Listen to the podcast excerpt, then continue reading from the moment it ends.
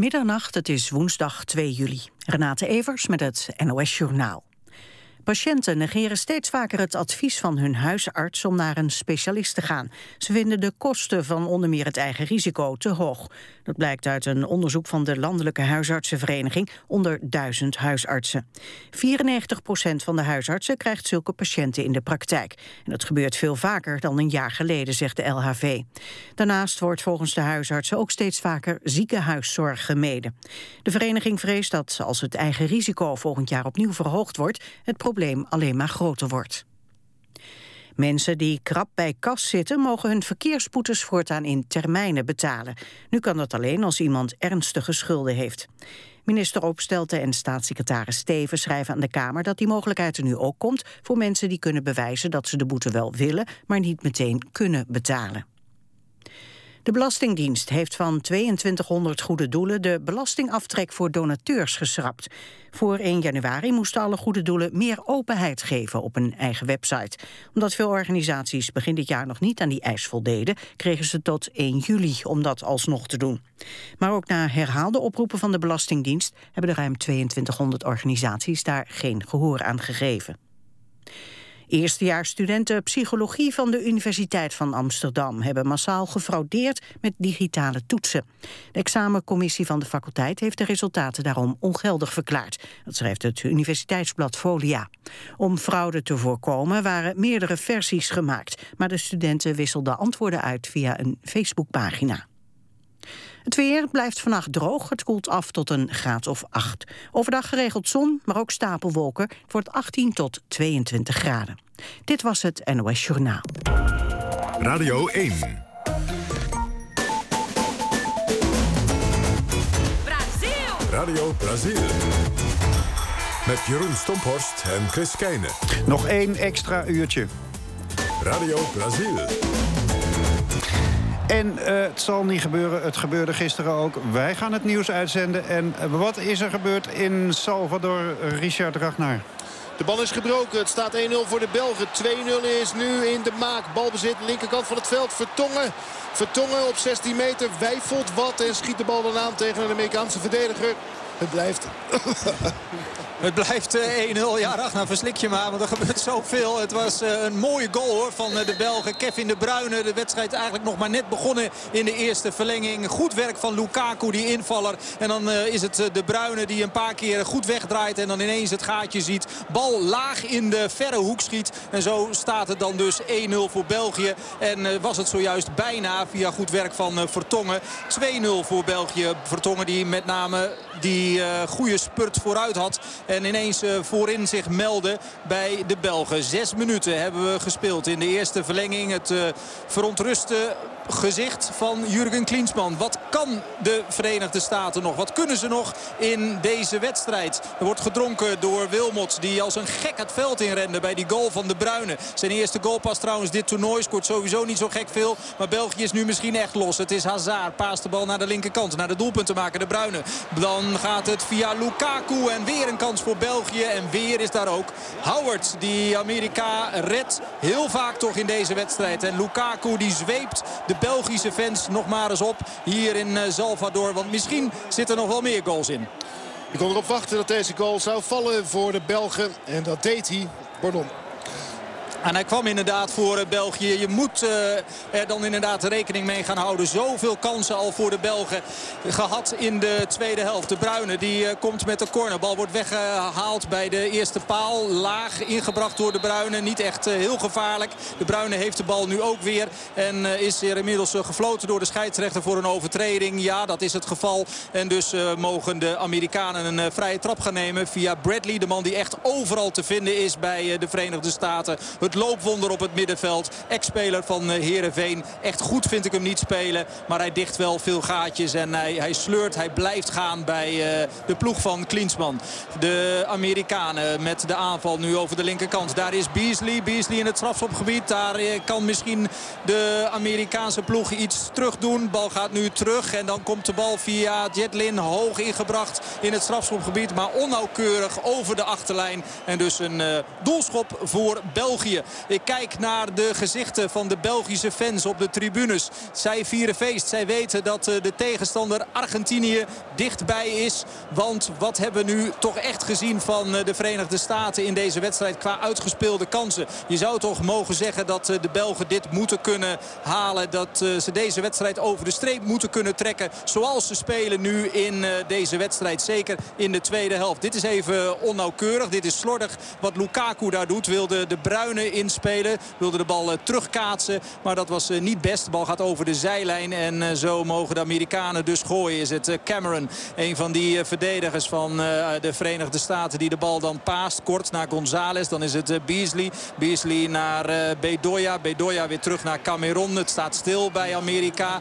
Ja, Jones wil die bal wel hebben. Crossbal wordt daar aangegeven. Helemaal aan de andere kant. Maar Cameron heeft dat waarschijnlijk nog niet gezien. Of vindt dat geen goed idee. Dan gaat het kort via Bradley. Bradley paast de bal dan uiteindelijk wel naar Jones. Die de bal al heel graag wilde hebben een minuut geleden. Wordt verdedigd door de Bruine. Korte combinatie nu met Jetlin aan de rechterkant van het veld. Vertongen verdedigd. Daar gaat Jones naar binnen. Jones met de linkervoet. Paas. Voorzet is daar achter in het strafschopgebied. Opgevangen door Bedoya. Namens de Verenigde Staten gaat het terug. Zo hebben de Amerikanen nu al een minuut lang de bal. Is het via Beasley. Nu González. Die gaat zelf. Het is Cameron. Cameron legt de bal af naar Dempsey. Wanneer gaan we hem zien? Dempsey is Company voorbij. Jones. Dempsey. Nee, weer niet. En dan kunnen de Belgen weer via Company uitverdedigen. Ligt er weer iemand op de grond. En die heeft pijn. Dat is Jones zo te zien. Die heeft pijn aan zijn enkel. En dus ligt het spel hier even stil. Hebben we 10 minuten gespeeld in de eerste verlenging, Ragnar. Ik weet niet of het gaat met je stem nu. Maar het is uh, leuk om naar te kijken. Ook weer in de eerste verlenging. En de Amerikanen, ze zullen iets moeten bedenken. Weet je of drie voetbal begint zich inmiddels een beetje te wreken. Nou ja, als het niet gaat, dan uh, moet het alleen verder met jou. En dan lijkt het wel een beetje op. Jones is geblesseerd geraakt in het uh, strafschopgebied. Na dat schot van zojuist. Gekraakt door Vertongen. En dan krijgt Dempsey de bal trouwens nog op het, uh, ja, op het been aan de achterkant. Kan hij niet uh, schieten. En dat is uh, pech voor de Amerikanen. Ja, Vertongen gaat er stevig in bij Jones. En kijk eens naar die shirts ook van de spelers. Die zijn helemaal doorweekt. We zagen het ook in de pauze zojuist al. Na de 90 minuten bij Wondolowski. Het pas een kwartiertje mee. Maar helemaal een drijfnat doorweekt shirt. Honderdste minuut van de wedstrijd. Thibaut Courtois heeft de bal voor België dat dus met 1-0 leidt. En daar is zijn trap naar de man van de goal. De roodste duivel van allemaal zou je kunnen zeggen. De Bruine. Hazard namens uh, België paast de bal weer gevaarlijk richting uh, Lukaku. Lukaku is daar de 2-0. Nee, het is Howard die redt. Goede kans weer voor België, voor Lukaku. Dat is toch een aardige speler hoor. Ik vind dat hij goed invalt in deze wedstrijd. Goede wissel van uh, Wilmots. Want Orici was echt leeg, was klaar. Heeft zijn werk gedaan. En Lukaku was natuurlijk ook belangrijk bij die goal van De Bruyne. Neemt bovendien veel ervaring mee. Alle Belgen nu op de eigen helft. De Amerikanen mogen weer bouwen aan een aanval. Het is uh, Bradley. Bradley die de paal paast naar de rechterkant. Naar... Uh, Jatlin. Dan is het uh, Amerika dat het probeert door de as van het veld via Calderon. Maar dat uh, lukt ook weer niet. Het is natuurlijk uh, Cameron. Calderon moet je mij horen. Dat is een Argentijnse speler volgens mij uit het verleden. Bal gaat over de zijlijn. En de Amerikanen hebben ze er nog hoop in. In deze wedstrijd. In deze verlenging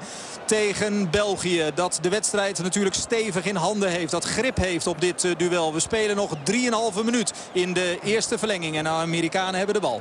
Cameron moet even achteruit in de richting van Bessler. Dan gaat het naar de rechterkant van het veld. De hoogte van de middenlijn.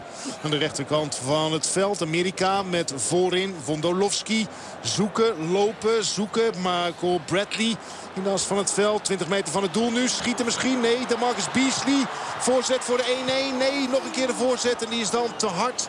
En komt terecht aan de andere kant van het veld bij Jones. En die wordt hard geraakt door de bal, denk ik. Dat zal in het gezicht zijn geweest door de Bruine. Want uh, dat is waar de hand van Jones nu zit. Ja, de Bruin had er geen idee van dat hij die bal zo in het gezicht werkte van zijn tegenstander. Hij heeft al een gebroken neus. Ja, die heeft... Uh, ja, is hij dat? Is dat Jones? Ja, toch? Of was dat... Uh... Dus dat zijn er twee. Dempsey en Jones volgens mij. Ja, Dempsey in ieder geval. Ik denk dat je gelijk hebt. Maar hij speelt verder voor de rest wel zonder bescherming. Klopt. Dat geldt overigens dan ook weer voor Dempsey. Voelt wel aan de neus. Nee, je hebt gelijk. Hij lacht er zelfs een beetje om. Ja, het had erger kunnen aflopen hier. En hij zit erbij, kijkt ernaar. 2,5 minuut nog in de eerste verlenging. Nog eens even één keer kijken naar wat er zojuist gebeurde bij dat doelpunt. Want het is Bessler Die wordt afgetroefd door Lukaku die dan toch sportief revanche neemt op de bondscoach. Was boos na zijn wissel pas geleden. Maar laat toch met een sterke invalbeurt zien. En de opening bij de goal van de Bruyne. Dat hij de opdracht van de bondscoach heeft begrepen van Wilmots. Het blijft natuurlijk spannend met die 1-0. Het is eigenlijk de hele wedstrijd al spannend. Jones, we kijken naar hem. Wordt hij nog weer uh, teruggebracht in uh, de ploeg bij Amerika. Loopt nu uh, buiten het veld even richting de middenlijn. Belangrijke speler toch hoor voor Amerika. Ondanks die gebroken neus niet voor niets. Toch gewoon aan de aftrap verschenen. België heeft nu weer de bal met de Bruine. De doelpunten maken dus. Wat is hij dan belangrijk met die enige goal tot nu toe. Paast de bal naar Hazard. Hazard dan weer eh, terug naar het middenveld. Naar Wietsel. En dan gaat het eh, via de rechterkant. Daar staat Alderwereld die een goede partij speelt. Speelt eh, kort naar Mirallas. Mirallas dan naar Fellaini. Dan is het opnieuw Alderwereld. Korte combinaties. Daar nog altijd over de rechterkant. Dit ziet er heel aardig uit. En daar is Mirallas voor de goal. En dit moet een doelpunt zijn, Mirallas. Maar het is opnieuw Howard die goed staat opgesteld. Mirallas, de speler van Everton, had daar een hoek moeten uitkiezen. Maar schiet recht op Howard af. Die natuurlijk eh, daar goed eh, naar de bal blijft kijken. En dan eh, is het Amerika weer. 103 minuten, nee 104 minuten zitten er al op in de eerste verlenging. Het zou bizar zijn natuurlijk als Amerika nog een goal maakt. De Belgen hebben zoveel kansen gehad. Verdienen aan alle fronten, op alle fronten en aan alle kanten om verder te gaan. Maar Jones is opgestaan. Jones heeft de bal. Jones gaat dus aan de wandel. Komt uit in het Belgische penaltygebied. Bradley gaat schieten. Doet het in de, in de voeten van, van buiten. En de Belgen die dan snel weg willen met uh, Lukaku, met Hazard, met De Bruyne. Op de counter moeten er toch mogelijkheden gaan komen voor de ploeg van Wilmots. De Bruyne op de punt van het strafschopgebied. Lukaku voor de beslissing. Jazeker. Lukaku voor de beslissing. En dat is dan 2-0. Vlak voor het einde van de eerste verlenging. Goed uitgespeeld op de counter uit het boekje. Zoals het uh, hoort. Hij heeft een boodschap voor thuis. Kust de camera de lens. En uh, ja, goed uitgespeeld. En heeft hij het begrepen? Ja, dacht het wel. Hij heeft het begrepen. Sportief revanche nemen. Man van de actie bij de eerste goal. Maakt de tweede. Klinsman kan terug naar de Verenigde Staten met zijn ploeg. Dit komt niet meer goed. 2-0. Peter van der Meers, uh, durven we het aan? Draai ik de shampoo open? Draai of, de champagne Oké, okay. daar gaat hij. Doe mijn best. Hij zit nog een beetje dicht, maar ja, het was ook een lastige. Oh, daar is hij. Oké. Okay. Ja, nou nog glazen. Ja, ja, ja. ja dat doen we in Radio 1 bekertjes. Zullen we eerst met een uh, glaasje geven, met Steinglas, de Amerikaan onder ons, met... Bedankt. Ja, op een mooi toernooi, jongen. Het zat er nog sportief aan. bijna, bijna nog uh, door met de winst. Maar gerechtigheid, denk ik, dat kan jij ook wel. Ja, nee, ik, wel, we, zijn, we zijn maar blij dat we, dat we bij 0-0 uh, zo lang hebben gehouden. Dus uh, mooi ja. gezien. Hoe was het, Peter? Ach, spannend natuurlijk. Ik was net even weg tijdens de 1-0. ja, ik zal het toegeven. Ja, en inderdaad, mijn held Lukaku... die zowel in de, bij de eerste doelpunt een belangrijke rol speelde... als de tweede maakt. Ik ben ook zo blij voor die jongen nu. En België die eindelijk de tweede helft en deze eerste verlenging gespeeld heeft... zoals we, wat we van hen verwachten. Dus, ja. dus in die zin... We hebben België eindelijk gezien. België dus. is los sinds de tweede helft eigenlijk van deze ja, wedstrijd. Precies. En nou doortrekken. Ja, nu uh, wat, ik, wat ik juist zei. First we take Manhattan, then we take Buenos Aires. Uh, dus, uh, en, en, en, dan... En dan, dan, dan daar komt het. Die halve finale. Ik hoor daar toch geen dikke nek. Hè? Ja, ja, ja, Nederlandse manieren gekregen. Okay. Ja, je woont hier te lang, denk ik. Krijg je dan, hè? Daphne, jij zei dat de Amerikanen het zouden volhouden. Ja, dat zei ik inderdaad. Totdat het doelpunt viel. Toen zei ik ook al gelijk naar mijn, naar mijn buren van... ja, nu is het gedaan. Nu, uh, nu is het over. Nu nou is ja, het de Amerikanen, ik uh, bedoel, ze gaven niet op. Nee, ze gaven ook niet op. Maar ja, als het doelpunt dan valt, dan is het gewoon, dan is het gewoon klaar. Dat zei ik, uh, zei ik direct. Ik zeg, straks moet ook gewoon de 2-0. En nou ja, dat, dat heb ik gezien. En ik denk zelfs, ik denk zelfs dat we straks nog een, nog een doelpuntje te zien krijgen. Want het is nu over en uit voor de Amerikanen. En België is en, tere en terecht ook, hè? Terecht. Zeker en vast. Bevrijd, Nicky. Zeker Wat vast. heerlijk, Fantastisch, hè? Ja. Fantastisch. Big smile. Uh, ja, we ja. hebben België gezien zoals dat wij ze in de kwalificatiewedstrijden hebben gezien. En uh, het moet hen nu vertrouwen geven naar de volgende wedstrijd tegen Argentinië. Om, en veel, uh, van de eerste veel, minuut ervoor te gaan. Veel doelpuntenmakers, hè? Terwijl de ploegen nu gaan wisselen van helft voor de tweede het helft van de verlenging. Veel doelpuntenmakers, veel verschillende. Ja, inderdaad. Uh, de Bruyne, Lukaku, Origi. Uh, we hebben Mertens. zeker wel Mertens. Mertens. Uh, we hebben zeker wel doelpuntenmakers, maar het moet er nu gewoon uitkomen. Vizier zat nog niet echt op scherp in de tweede helft. Ja. daar miste de scherp. Ik moet heel even een glaasje geven aan de man die al de hele wedstrijd hier heel stil in de hoek staat. Dat is namelijk Geert Bulens. Het is een Vlaamse dichter. En die zou hier zijn voor Nooit meer slapen. Meneer Bulens, komt u even een glaasje champagne halen, alstublieft. Nou, ja, ja, ik, ben, ja ik, nou, ik zit te wachten dat ik nog een glaasje Oh, jij krijgt ook een glaasje. Sorry, ja, tuurlijk. Zeg, wat we ook moeten zeggen, wat een sportieve oh, we mogen niet drinken, hoor ik net. Maar nou, een stiekem klein uh, slokje mag best van uh, de eindredacteur. Um, Goed, uh, ja, België los. De Verenigde Staten kunnen terugkijken op een mooi toernooi. Um, ja, we gaan nog niet helemaal afronden. We hebben natuurlijk nog een helft uh, van de verlenging te gaan. Maar uh, met, even over, ja, je bent klaar in feite. Klinsman, wat is zijn positie? Die blijft gewoon? Uh, Want die voelt zich wel heel, heel, thuis in Amerika. Uh, ja, en ik, ik denk dat uh, de meeste Amerikanen zouden hem willen aanhouden. Ja. Want hij heeft, hij heeft veel gepresteerd voor, voor een matige ploeg in, ja. deze, in deze toernooi. En de, de, de soccer is, is growing, hè, zeggen ze daar bij, in, in de States. Het wordt groter en groter. Betekent dat er ook dat er meer talent eh, komt? Is dat al voorhanden? Hoe is het met de jeugdploeg? Weet je iets van toevallig?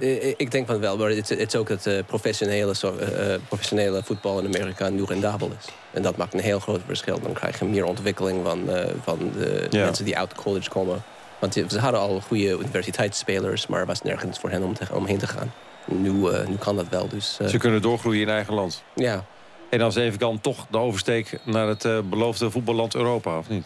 Uh, ja, Denk waarschijnlijk. Ik. Want ze, ze, verdienen hier drie tot vier keer zoveel. Ja, dus dat, dat gaat steeds, geld. Ja. ja. dat gaat nog steeds gebeuren. Maar ik denk dat uh, over vier jaar doen we het beter, de VK zelfs. Oké, we gaan eens kijken hoe het verder gaat. Of er nog meer doelpunten bij komen in Salvador. Ragnar, als je nog een stem hebt. En Richard. Voorlopig uh, doe ik het heel even alleen en probeert Ragnar die stem inderdaad weer uh, terug te krijgen. Hij zal zich zo wel weer melden. Amerika heeft de bal 106 minuten op de klok in Salvador. Het staat 2-0 voor België. Doelpunten van de Bruyne in de 93ste en in de in minuut 105 was het eh, Lukaku die goed invalt en uh, zeer belangrijk is voor België. Dit is de 2-1. Jawel, het is 2-1. Het is Green, de invaller die de spanning ineens weer terugbrengt. En ja, Ragnar, dan mogen we weer aan de bak voor de komende 15 minuten. Want dan kunnen er misschien nog wel leuke dingen gaan gebeuren. Courtois, die verkijkt zich daar een beetje op, op die uh, bal. En Klinsman, die pept zijn spelers op. Want de Amerikanen, we zeiden dat al een aantal keren, die geven nooit op. En het kan natuurlijk nog steeds. Want we zijn maar net begonnen aan de tweede verlenging. Bradley, hij paast de bal door de as van het veld. Hoog. En dan ineens is het Green buiten bereik van al de wereld die daar niet aan de goede kant staat te verdedigen. En Green mooi volleert de bal in de uiterste hoek. Courtois zit er wel aan met een hand, maar het is niet goed genoeg. En zo staat het dus 2-1.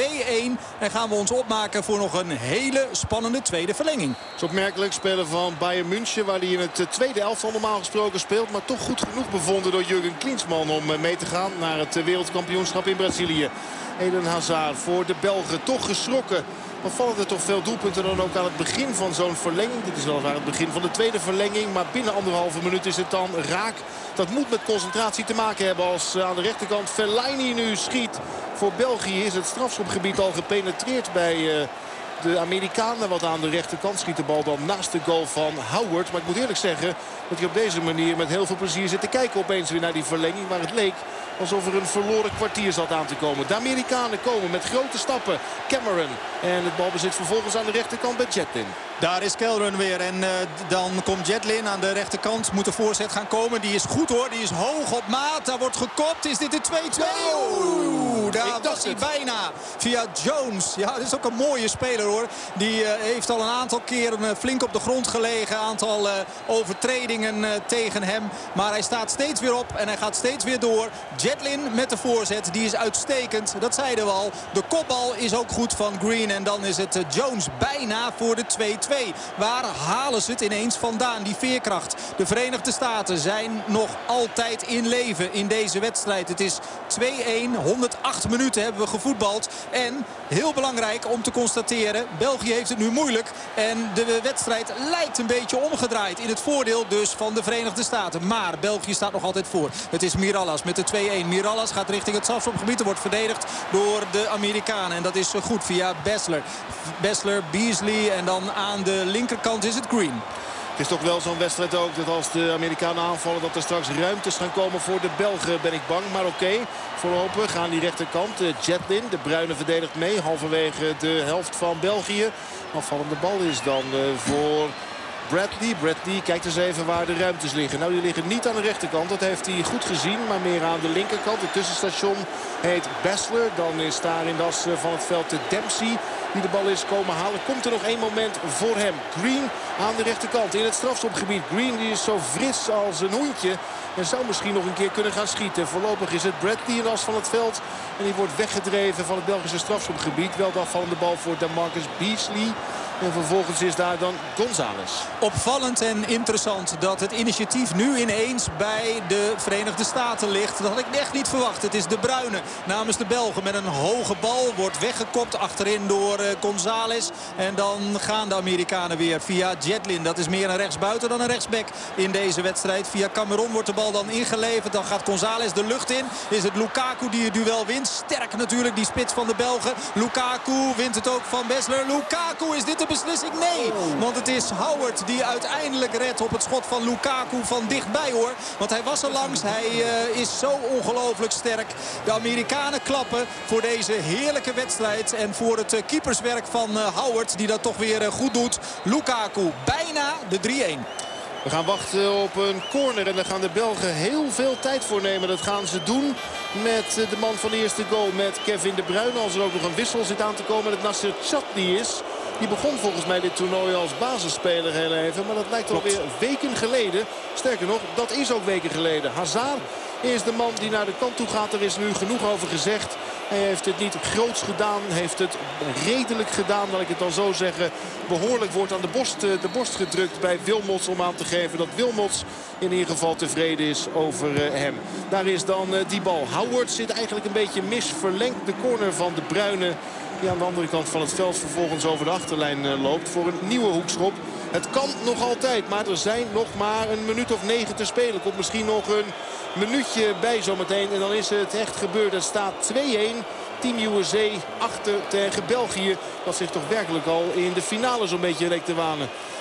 Chatley kan natuurlijk wat forceren. We kennen hem uit de Nederlandse eredivisie. Technisch eh, vaardige voetballer. De corner wordt nu eerst getrapt. Laten we daar eens eh, op letten. Fellaini wil de bal wel hebben. Meldt zich. Daar komt de corner weggekopt door González. Afvallende bal is voor de Belgen met de Bruine. Paast de bal weer naar de rechterkant. Daar waar de corner vandaan kwam. Het is Mirallas. Mirallas in duel met eh, Cameron. Die wint het duel. De Amerikanen kunnen weer weg via Green. Oh, wat is dit toch een lekkere wedstrijd, zegt Green. Speelt de bal dan kort naar Beasley. Beasley weer naar Green. Er wordt verdedigd door Mirallas op de helft nu van de Belgen. Nog een keer verdedigd door Mirallas. De Belgen moeten alles geven nu om die 2-1 aan de goede kant te houden. 112 minuten inmiddels al gevoetbald. En we gaan toch langzaam richting het einde van deze wedstrijd. Balbezit voor Bradley in de as van het veld. Hij is de man van de ideeën. Hij is heel belangrijk. Nam het woord in de pauze. Jones probeert uh, te schieten. Schot is uh, geblokt en dan een uh, overtreding licht van Chatli Trekt even aan het eh, shirtje van Cameron. Ook wel Calderon genoemd. En hij... Uh, ja, ah, dat is flauw hè. Oh, mag hoor. Cameron. Het is laat. Ja, daarom. Het is het nachttarief inmiddels. Uh, dat is ingegaan. Hey, we zitten te kijken naar een vrije trap voor het Amerikaanse elftal van Jurgen Klinsman. De Belgen zetten een muur neer. Die bestaat inmiddels uit vijf man. Met de Bruine, Alderwereld en dan ook Witsel, Lukaku en Chatti erin. Die staan bijna op de rand van hun eigen strafschopgebied. Er is nog scheergel genoeg en dus wordt er een lijntje getrokken op 9 meter 15. En ligt de bal werkelijk, maar dan ook werkelijk recht voor het doel van Thibaut Courtois. En dan staat daar ook nog achter de bal Michael Bradley. Nou, jij mag het doen. Begeleid hem maar naar een goal. Jones gaat het doen. Of Bradley. Een van beiden. Het wordt Bradley. Korte oh. combinatie. Dit wordt een 2-2. Nee. nee. Oh, Courtois redt. Oh, wat waren de Amerikanen daar dichtbij. Met Dempsey, de spits van Seattle Sounders. Hij had bijna de 2-2 over de lijn. En dan was het toch echt een feestje geworden hier in Salvador. Wat gaan we nog krijgen? Zeven minuten lang nog in deze tweede verlenging. En de Amerikanen zijn nu echt op stoom gekomen. Bradley, Jones. Oh, het ziet er allemaal fraai uit. Die Amerikanen kunnen ineens voetballen. Jetlin, Bradley. Bradley. Bradley, rand strafschopgebied. Dempsey, het bal wordt weggeroeid werkelijk door het is uh, Vertongen die dat doet. En de Belgen denken, wat overkomt ons ineens? Ik kan hem helemaal niet meer terughalen, die vrije trap. Maar het leek me een betere variant dan van Duitsland gisteren. Wat scheelde dat weinig. Voorzet komt, Jones gaat koppen. Dempsey houdt de bal misschien nog wel binnen op de achterlijn. Ja, de scheidsrechter kijkt naar de assistent. Maar die bal zit erin. Ik geloof opeens in een Amerikaanse gelijkmaker. De bruine verdedigt Bradley. Halverwege de Belgische helft aan de rechterkant van het veld. En alle tweede ballen zijn nu opeens voor Team USA. Dat kun je wel aan ze overlaten. Krijgen natuurlijk bij de mogelijkheden die ze nu hebben een ongelofelijke stoot. Met adrenaline en het gevoel het kan misschien nog. Green aan de rechterkant. Voorzet is laag en voor Courtois.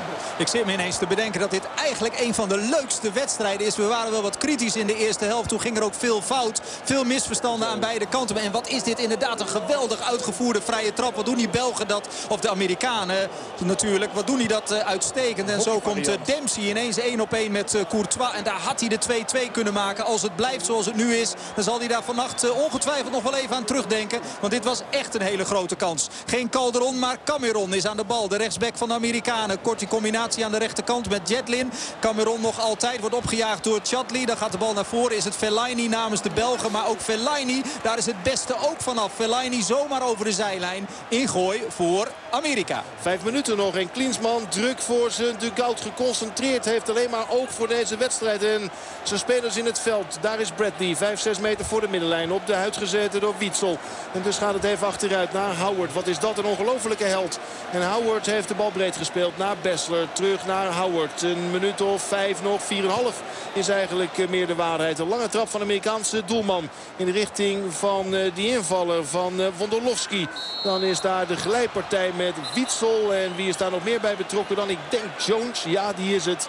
En zo krijgen de Belgen dan na het uitdelen van een duw aan Witsel die ook steen en steen kapot lijkt te zitten. De Belgen krijgen een vrije trap nog op de eigen helft. Vijf minuten spelen we. Plus natuurlijk wat extra tijd in deze spannende wedstrijd. Deze wedstrijd die eh, op en neer golft in de verlenging. De eerste verlenging was duidelijk voor de Belgen. De tweede is voor de Amerikanen. Die natuurlijk nog altijd hopen op de 2-2. Dan krijgen we strafschoppen in eh, Salvador in Brazilië. Op dit WK in de achtste finales. België tegen de Verenigde Staten. Toch een hele leuke wedstrijd geworden. De de vrije trap door Company genomen richting Mirallas. Bal gaat over de zijlijn. En de Amerikanen, nee, is zelfs voor een overtreding gefloten. De Amerikanen mogen een vrije trap gaan nemen. Dat is inmiddels al gebeurd via Beasley. De tijd dringt en langzaam maar zeker komen de Belgen natuurlijk wel steeds dichter bij die kwartfinale tegen Argentinië. Michael Bradley is werkelijk onvermoeibaar. Loopt overal op het veld. Nu op zijn eigen helft. Zet het op aan de rechterkant. Trekt naar de as van het veld. Eerst op 25 meter van het doel. Ziet het uh, aan de rechterkant. De actie van Jetlin. En dan komt die bal op de voet van Wondolowski, denk ik. Denk dat hij het is op de 5 meterlijn. Maar weet niet dat hij de bal raakt. Was het Dempsey? Nee, het was Wondolowski. En die had die bal beter moeten aannemen. Of ineens in de goal uh, moeten trappen. Misschien voorzet hoog bij de Amerikanen. Er zit een handje bij van al de wereld. Dat mag allemaal. Green aan de overkant van het veld. Rechterkant. Een uh, duel met Green. Legt de bal terug. Doet dat naar Jones. Gaat dus ze schieten Jones. Halve meter over de goal heen van Thibaut Courtois van een meter of 18 geschoten. En Wilmots is er nog altijd niet gerust op. Hij heeft een donkerblauwe broek en een donkerblauw jasje. Ik denk als hij het uitdoet dat zijn witte overhemd ook drijf en drijf en drijf nat is. Want hij dacht toch dat hij er was, maar ziet er op de klok dat er nog 2,5 minuten te spelen zijn. Eén goal stuurt uh, ja, de hele boel toch in de war voor België. Zo is dat knap hoor, wat uh, de Amerikanen eruit persen werkelijk in de tweede verlenging. Echt uh, hulde, chapeau wat de ploeg van Klinsman nog over heeft. Dat had ik eerlijk gezegd niet verwacht. Het staat 2-1 voor België. We hebben bijna 118 minuten gevoetbald in Salvador. Twee nog te gaan, plus de extra tijd. En de Belgen vallen weer aan met Lukaku. Het staat stil aan de rechterkant van het veld. Mirallas wil die bal wel hebben. Fellaini zou ook kunnen. Het gaat terug naar al de wereld over de rechterkant. Mirallas in duel met Beasley. Die krijgt een duw. Mirallas blijft op de been. Wil hem dan voorbij aan de buitenkant. Nog altijd Mirallas. Dan wordt er gefloten en krijgen de Amerikanen de Amerikanen krijgen de vrije trap. We spelen dus nog twee minuten plus extra tijd. En Howard heeft de bal alweer in het spel gebracht richting Cameron. Cameron naar Bradley. Gaat richting de middencirkel. Die blijft werkelijk maar lopen. Ik heb het eerder gezegd. Steekt de middenlijn over. Doet dat op hoog tempo. En dan komt vanzelf het Amerikaanse of het Belgische strafschopgebied weer in zicht.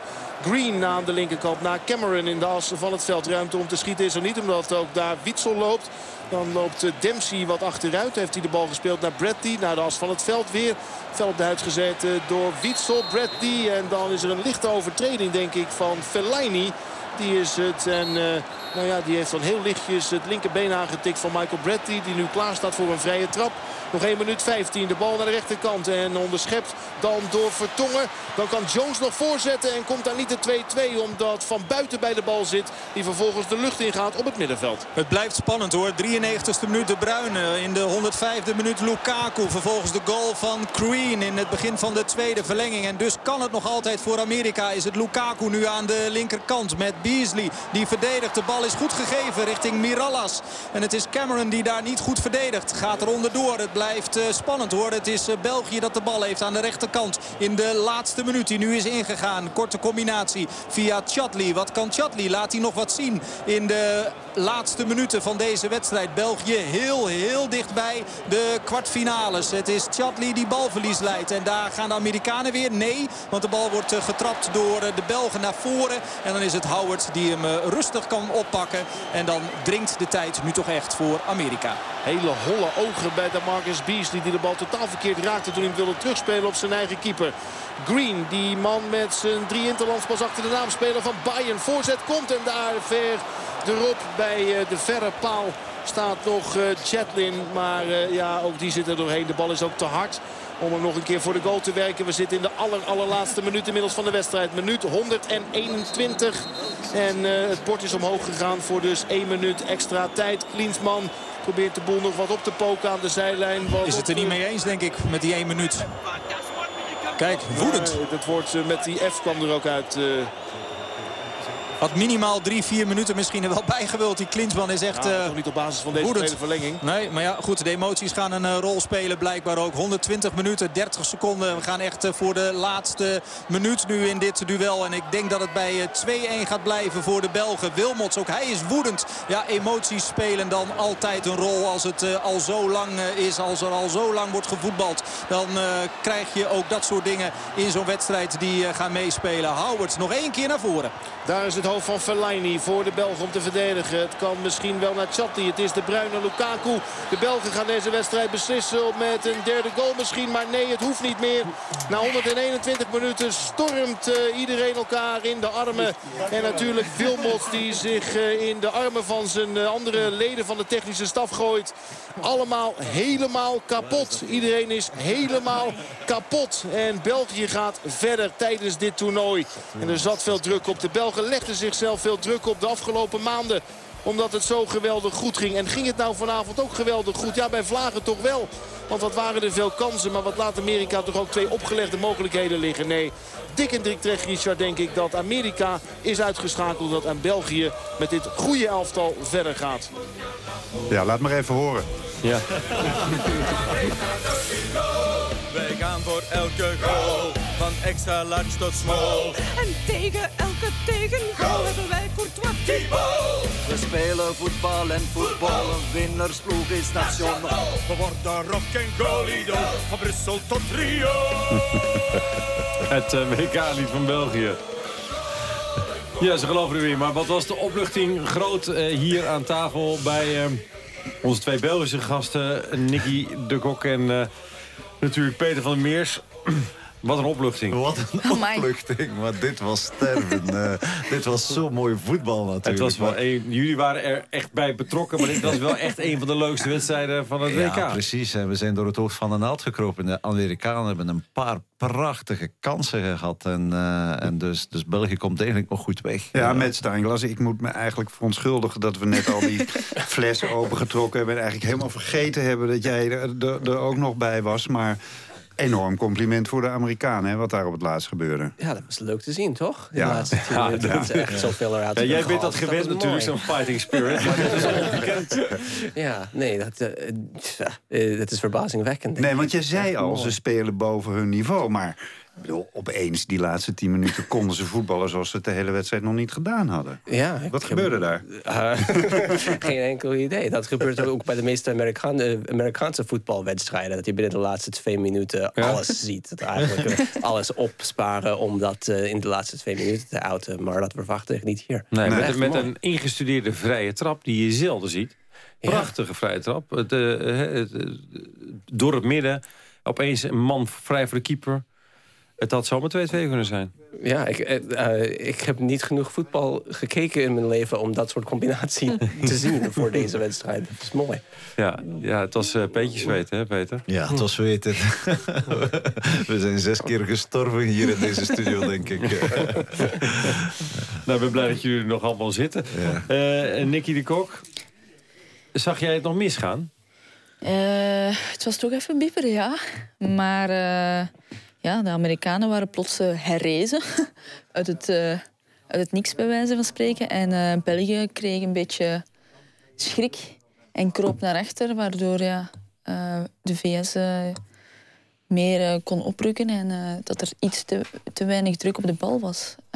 en iets weinig de bal in de ploeg houden.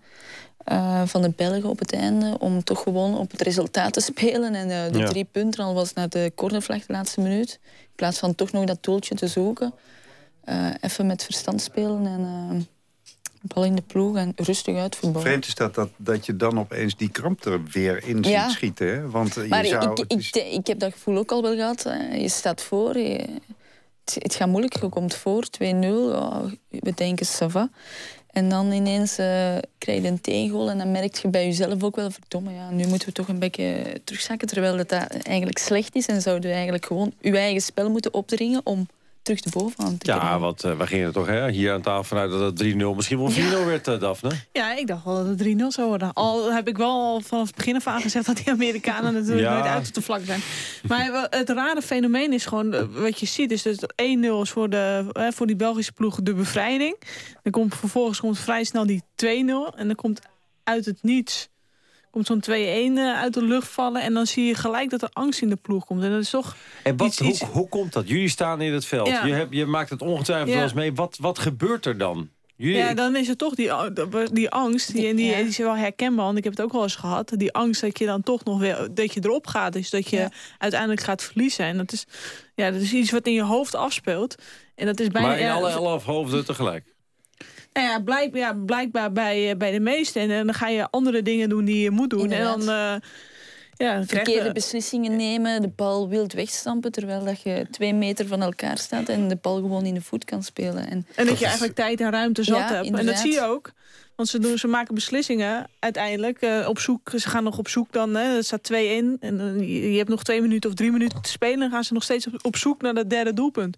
In plaats van dat je die bal gewoon in bezit houdt. En eh, Ja. misschien eh, een Ja. hoek op gaat zoeken. Wij vinden dat op zich te prijzen natuurlijk. Maar, ja, kijk, voor, voor ons Eh, is dat ook- is het fantastisch om het te zien. Maar Is het ook iets, eh, heeft het ook iets met onervarenheid te maken van de ploeg? Dat er niet een leider is die zegt, jongens, even rustig, we gaan even normaal doen? Goh, maar je speelt ook tegen ploeg. Daphne zei, zei, zei het ook. eh, die er van de eerste minuut tot de laatste minuut heeft voor gegaan. En dat is ook misschien even... Nou, dat voel je wordt wel. vermoeid.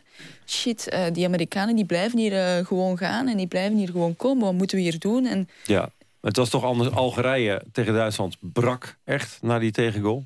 Was niets meer van over. Dit was andere koek. ja, inderdaad. Ik denk dat alles heeft te maken met eh, ook de, de ploeg waar je tegen je Ja. speelt. Als Ja. die echt... Amerika is een karakterploeg, dat wisten we. En die blijven vechten. En Want ze herken hebben je dat, Daphne. Daphne van, eh, van de wedstrijden die jij in Amerika hebt gespeeld? Hoe Matt zegt, dat gebeurt bij American voetbal ook. Dan moet je, hoef je eigenlijk Ja. alleen maar naar de laatste Ja. vijf minuten te kijken. Ja, nee, die gaan, ik, eh, wat ik weet van mijn ploeggenoten ook, die bleven maar gewoon doorgaan. Eh, tot het, het laatste fluitsignaal. En dan pas was het, was het over en was het geloof weg.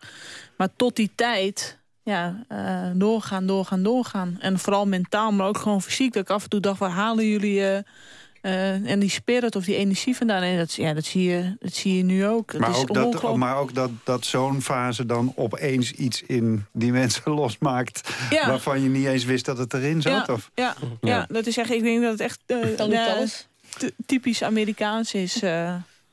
Tot slot, eh, meteen weer even vooruitkijken. Argentinië wacht. België, Argentinië. Peter, wel, we hebben hele slechte ervaringen. Uh, we hebben nooit uh, van Maradona verloren. Juist, ja, ik wilde er niet over beginnen. Maar... Precies.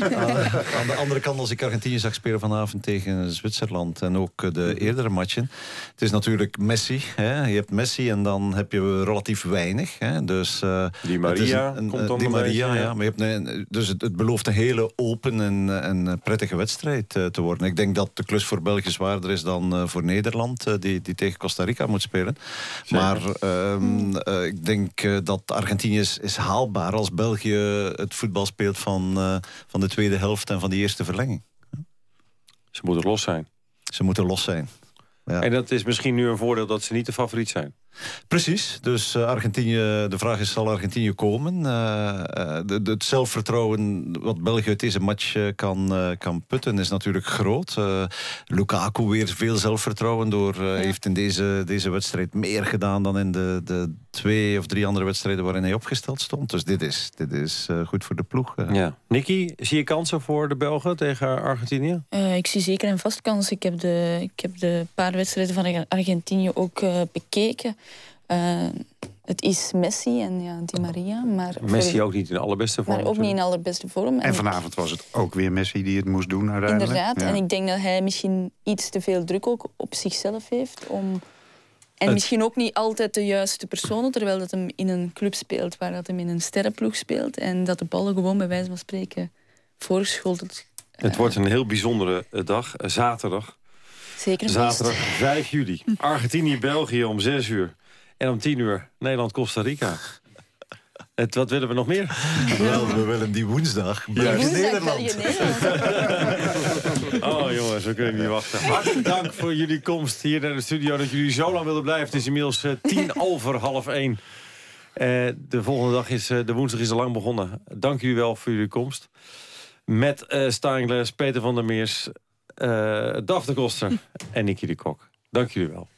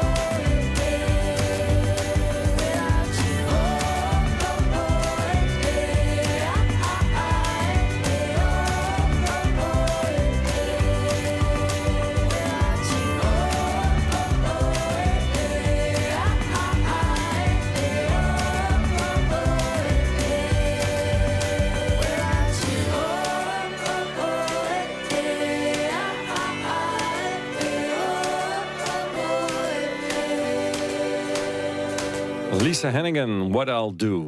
Ja, en het is een onzalige uur, want het is 13, 14 inmiddels minuten over half 1. Maar we kunnen ons niet voorstellen dat er in België al iemand in zijn bed ligt. Dus we hebben het toch aangedurfd om te bellen met schrijfster en columniste Anne Kramer. Goedenavond, mevrouw de Kramer. Goedenavond of, of goeienacht of ja, goeiemorgen. goeienacht of uh, wat, ja. wat maakt het uit? U bent verder, gefeliciteerd. Ja, dankjewel. Hebt u ja, nog... niemand slaapt in België. Niemand slaapt op dit moment. Nee, want waar bent u nu? Ik ben nu net thuis, maar ik heb de match gevolgd op de markt van uh, de stad waar ik woon. Ja. En ja, het was uitzinnig. Echt een, uh, een ja, twee uur trilde de lucht van de spanning en dan trilde de lucht van de ontlading. Dus het was, um, ja, fantastisch gewoon. En, Ja. en de Belgen hebben ook laten zien dat ze wel degelijk goed kunnen voetballen. Eindelijk, na een paar teleurstellende matchen, was het echt, ja, attractief voetbal. Ja, maar na, die, na de eerste ontlading kwam ook de spanning opeens weer even terug. Want het, uh, het had Ja, nog net zo goed ja. mis kunnen gaan, of niet? Ja, dan was het 2-0 en dan was iedereen zo zelfzeker van, ja, we, we, we winnen. En dan plots 2-1, ja, het was toch nog even spannend. Ja, maar Courtois heeft het laatste kwartier toch het vaderland gered, denk ik. Ehm, en bewezen dat hij de beste keeper ter wereld is, zoals, zoals we beweren. Dus ja, echt die, die, die ontlading na, na het fluitsignaal is, is bijna iets wat ik nooit heb meegemaakt. Want ik was vijf jaar eh, ten tijde van Mexico 86, eh, dat legendarische WK voor de Belgen. Dus voor mij is het de eerste keer dat het zo, ja, zo legendarisch is. Bijna... Ja. Ik weet dat ik grote woorden gebruik, maar dat is de euforie gewoon.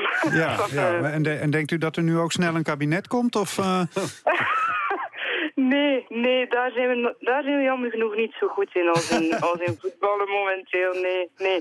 Maar goed, niemand is daar op dit moment jammer genoeg voor de politici mee bezig. Want de Rode Duivels gaan door. Dus dat is nu de belangrijkste bijzaak van de wereld gewoon. Oké, nou ja, nu Argentinië. Ehm, hebt u er vertrouwen in na vanavond?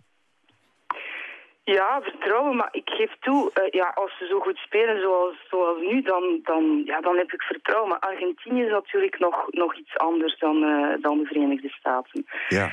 Maar goed, kijk, we moeten, we moeten positief blijven. En, en niet te bescheiden zijn, want Belgen zijn eh, erg goed in, in een te grote bescheidenheid. Dus laten we maar zeggen, ja, we winnen. Ja. We winnen tegen Argentinië. En dan spelen we tegen jullie natuurlijk. Dan wordt het de clash der lage landen. Zo. Nou, wij moeten ook nog even winnen hoor, zaterdag. Maar, Ja, eh, ja, u weet, wij hebben daar altijd volste vertrouwen in. Dus, eh, Ja, wel precies. Jullie, jullie zijn zo vol vertrouwen, dus het kan niet misgaan. Echt, halve finale hebben we afspraak.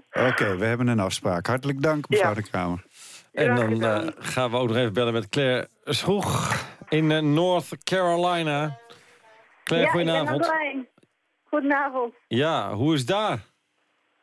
Ja, erg stil. Jammer hoor. Het is, eh, ze hebben hard gevochten en ja, het is echt super spannend. Nou, eh, de, de VS staat op de voetbalkaart, als het al, al niet stond natuurlijk. Maar wat een eh, strijdlust he- hebben de mannen van de VS getoond.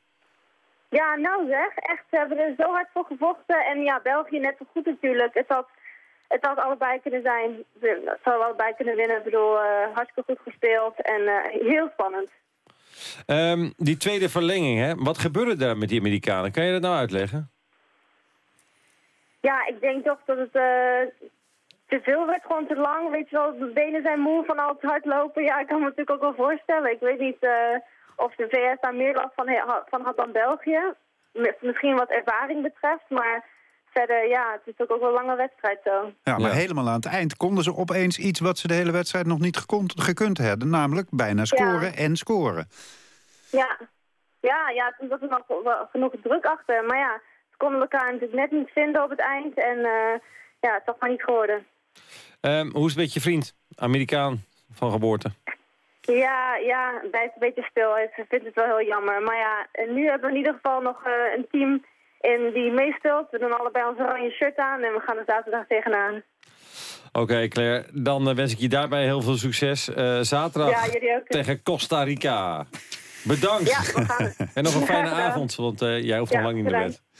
Goed, dit waren de achtste finales. Uh, die zijn voorbij. Dus we kunnen nu uh, onbekommerd uh, naar voren gaan kijken... naar de nieuwe wedstrijden. En dus ook naar Nederland. Voor PSV'er Giorgino Wijnaldum is het een raar seizoen. Hij speelde in Israël het EK met Jong Oranje. Moest de voorronde Champions League spelen met PSV. Raakte geblesseerd en zag bijna zijn droom vervliegen... om mee te gaan naar Brazilië. Een heel lang seizoen. Dat begon met de Champions League kwalificatiewedstrijden... tegen het Belgische Zulte Waregem. Dat was eigenlijk onze eerste wedstrijd die officieel was. En uh, mijn laatste officiële wedstrijd van uh, dat jaar, zeg maar, was uh, voor, voor, het eerste seizoen zelf, was FC Twente. Maar ik wil toch nog even terug, want je, je speelt een, een kampioenschap in Israël. Dan ga je naar PSV. En dan zou het een heel vermoeiend seizoen moeten hebben, zijn, zijn geweest voor jou. Uh, ja, zeker. Heel, heel vermoeiend, omdat uh, ik uiteindelijk geblesseerd raak. Of misschien wel geblesseerd al was. Maar omdat ik doorging erger werd. En dan hoop je gewoon zo snel mogelijk fit te worden. En dan doe je er alles aan. En soms doe je eigenlijk dingen die niet kunnen, waardoor, waardoor het alleen maar langer gaat duren. En ik heb denk ja, geforceerd in het begin. Waardoor ik steeds meer pijn kreeg. En uh, na een tijdje heb ik gewoon geaccepteerd van... Uh, oké, okay, ik uh, ben geblesseerd.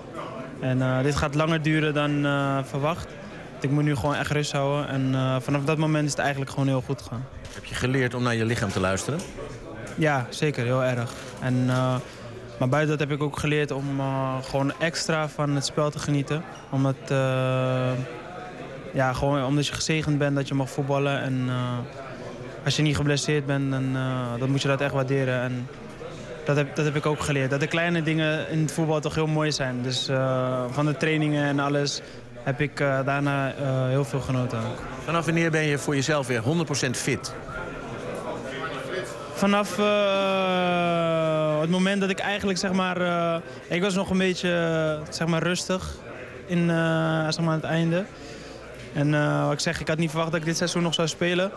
Maar uh, de dokter zei dat het, dat het kon. En uh, vanaf dat moment uh, heb ik mijn vertrouwen in de dokter, in de dokter gehouden. En ben ik gewoon uit tegenaan gegaan. Aan het begin van het jaar had jij nooit kunnen denken dat je op een WK zou zijn.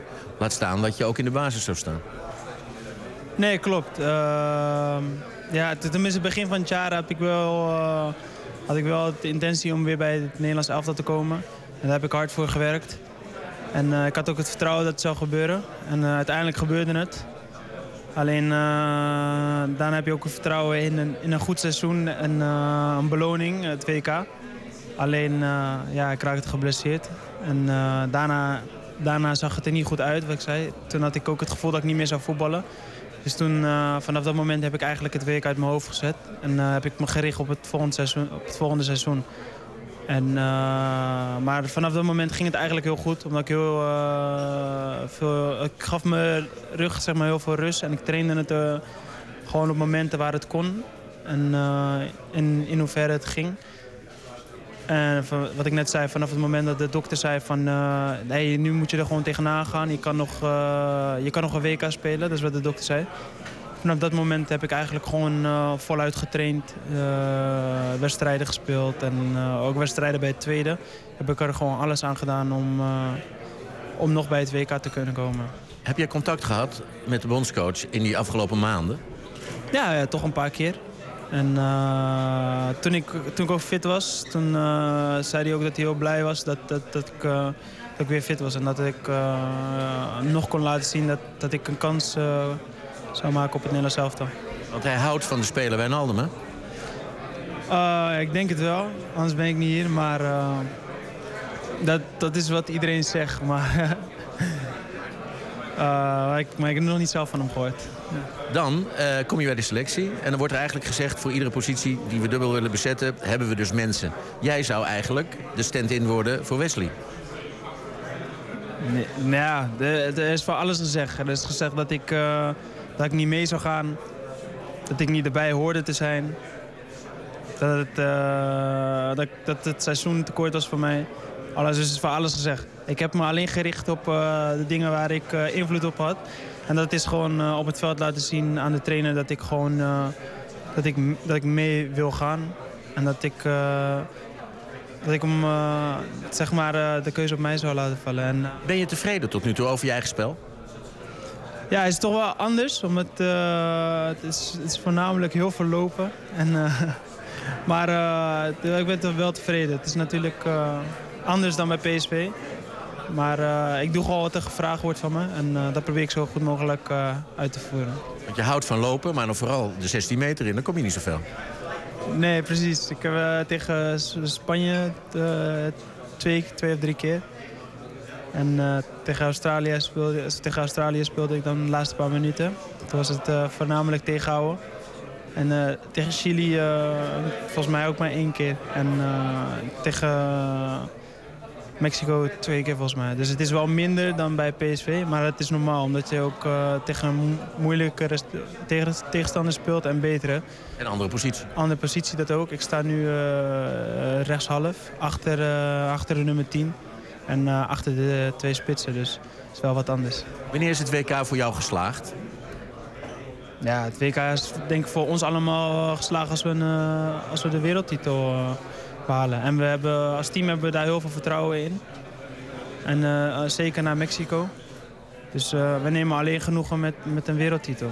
En het toefje, het allermooiste nog, dat kerstje op die taart. Eén keer Wijnaldum op het grote scorebord.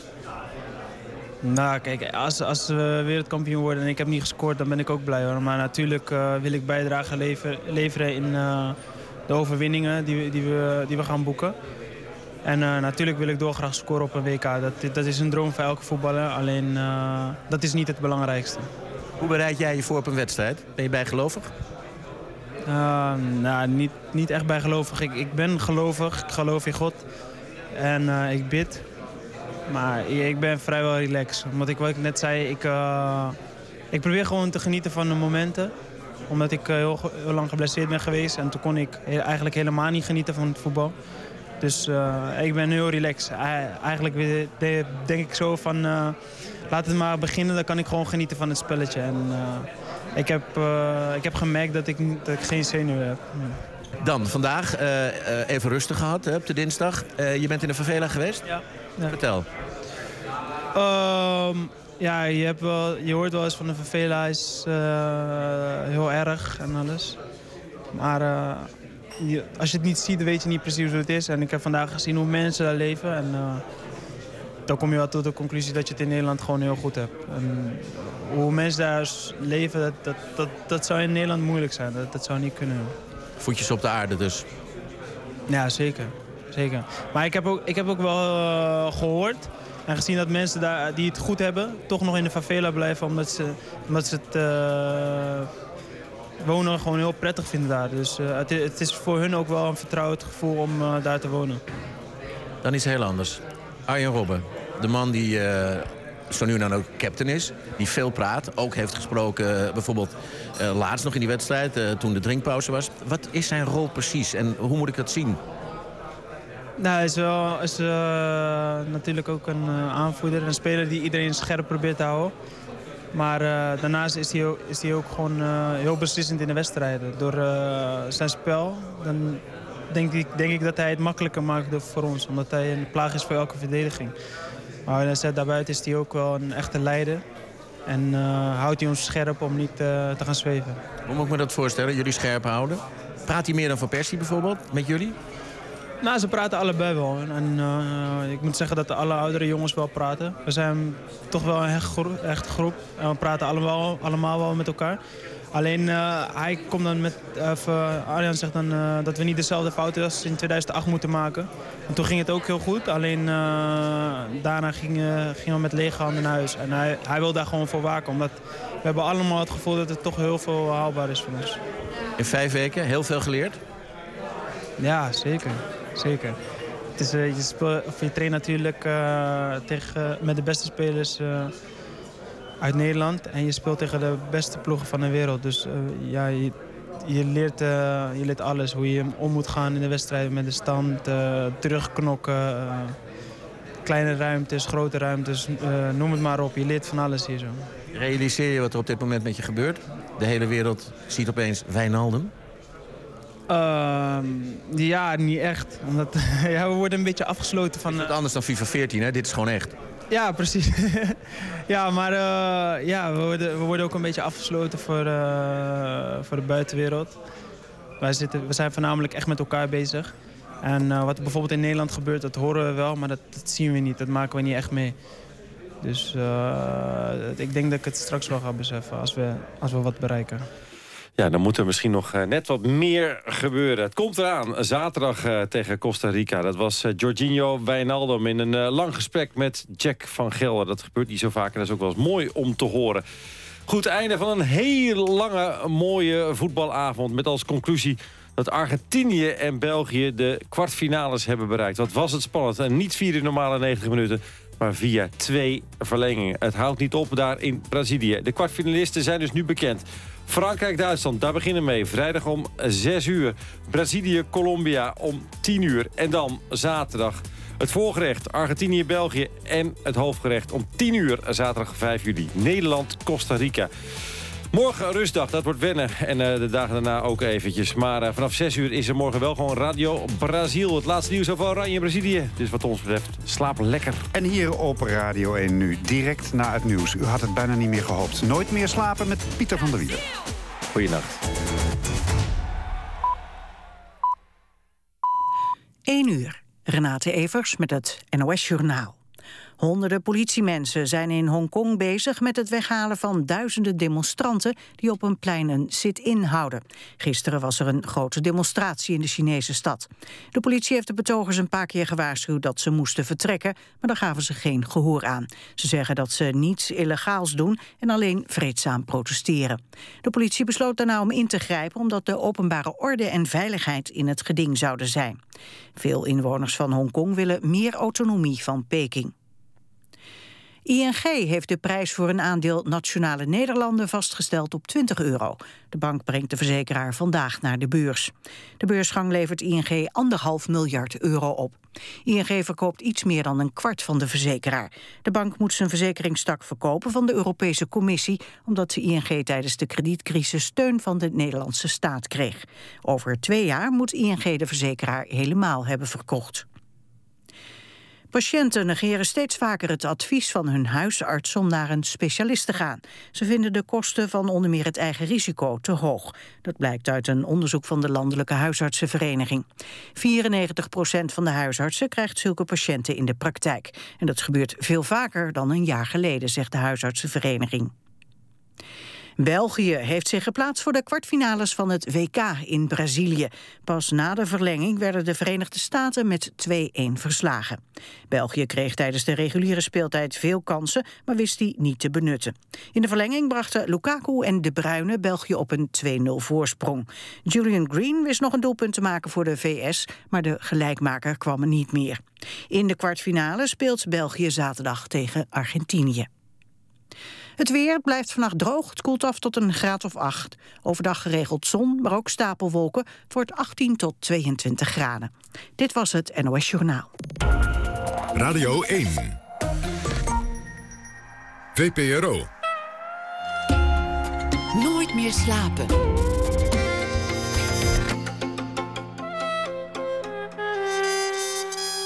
Met Pieter van der Wielen. Goedenacht, welkom bij Nooit meer slapen. Iets later dan normaal vanwege het uh, voetbal. De Verenigde Staten tegen België. Met een uh, mooie afloop voor België. En daar ben ik blij om.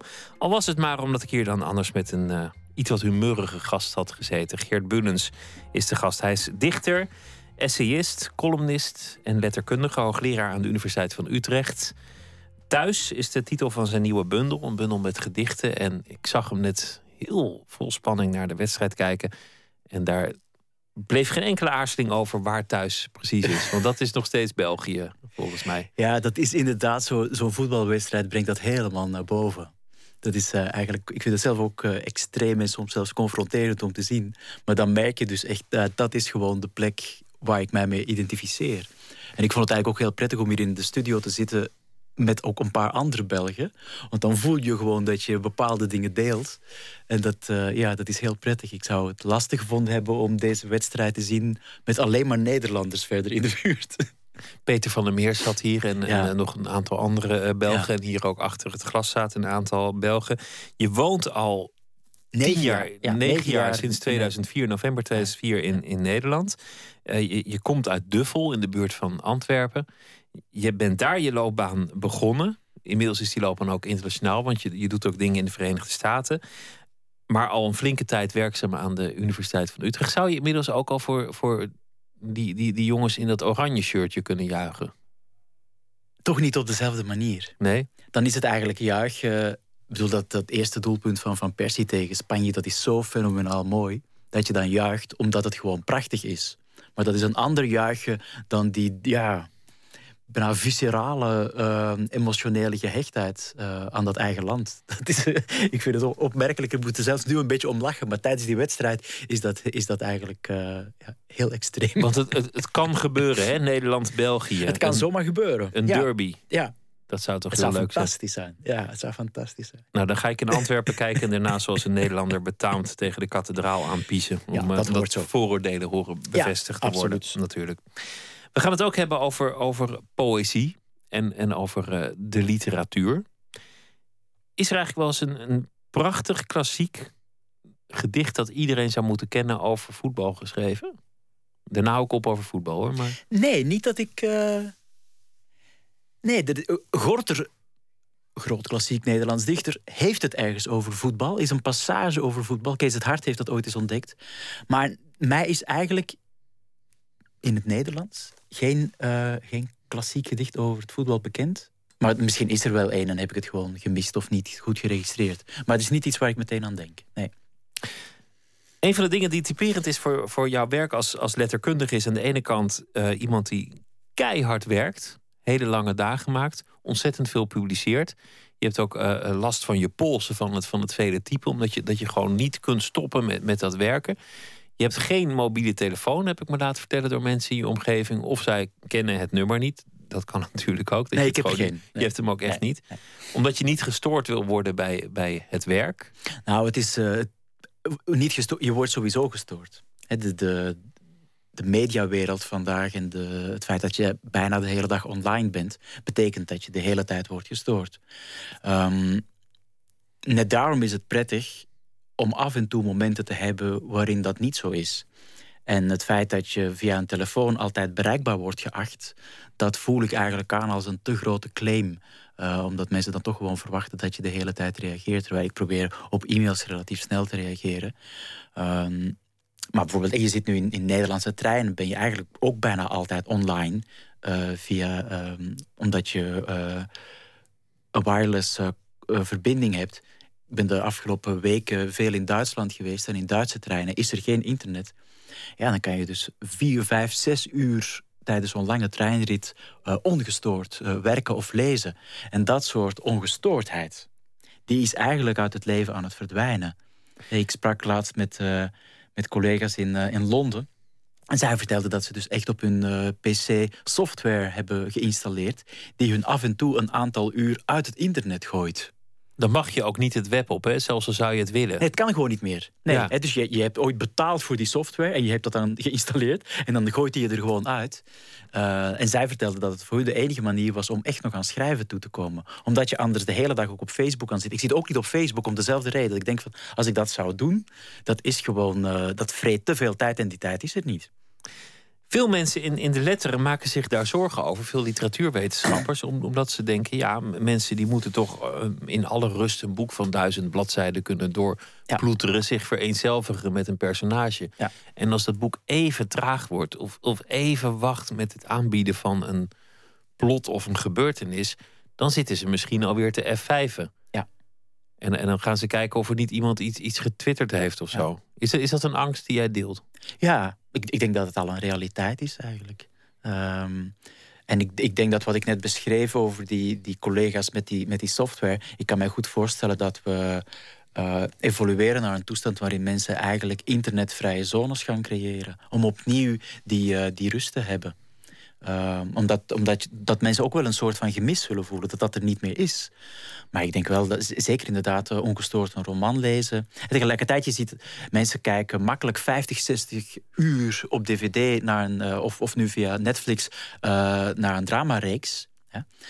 Um, dus het is niet zo dat mensen niet meer zo lang kunnen investeren in iets.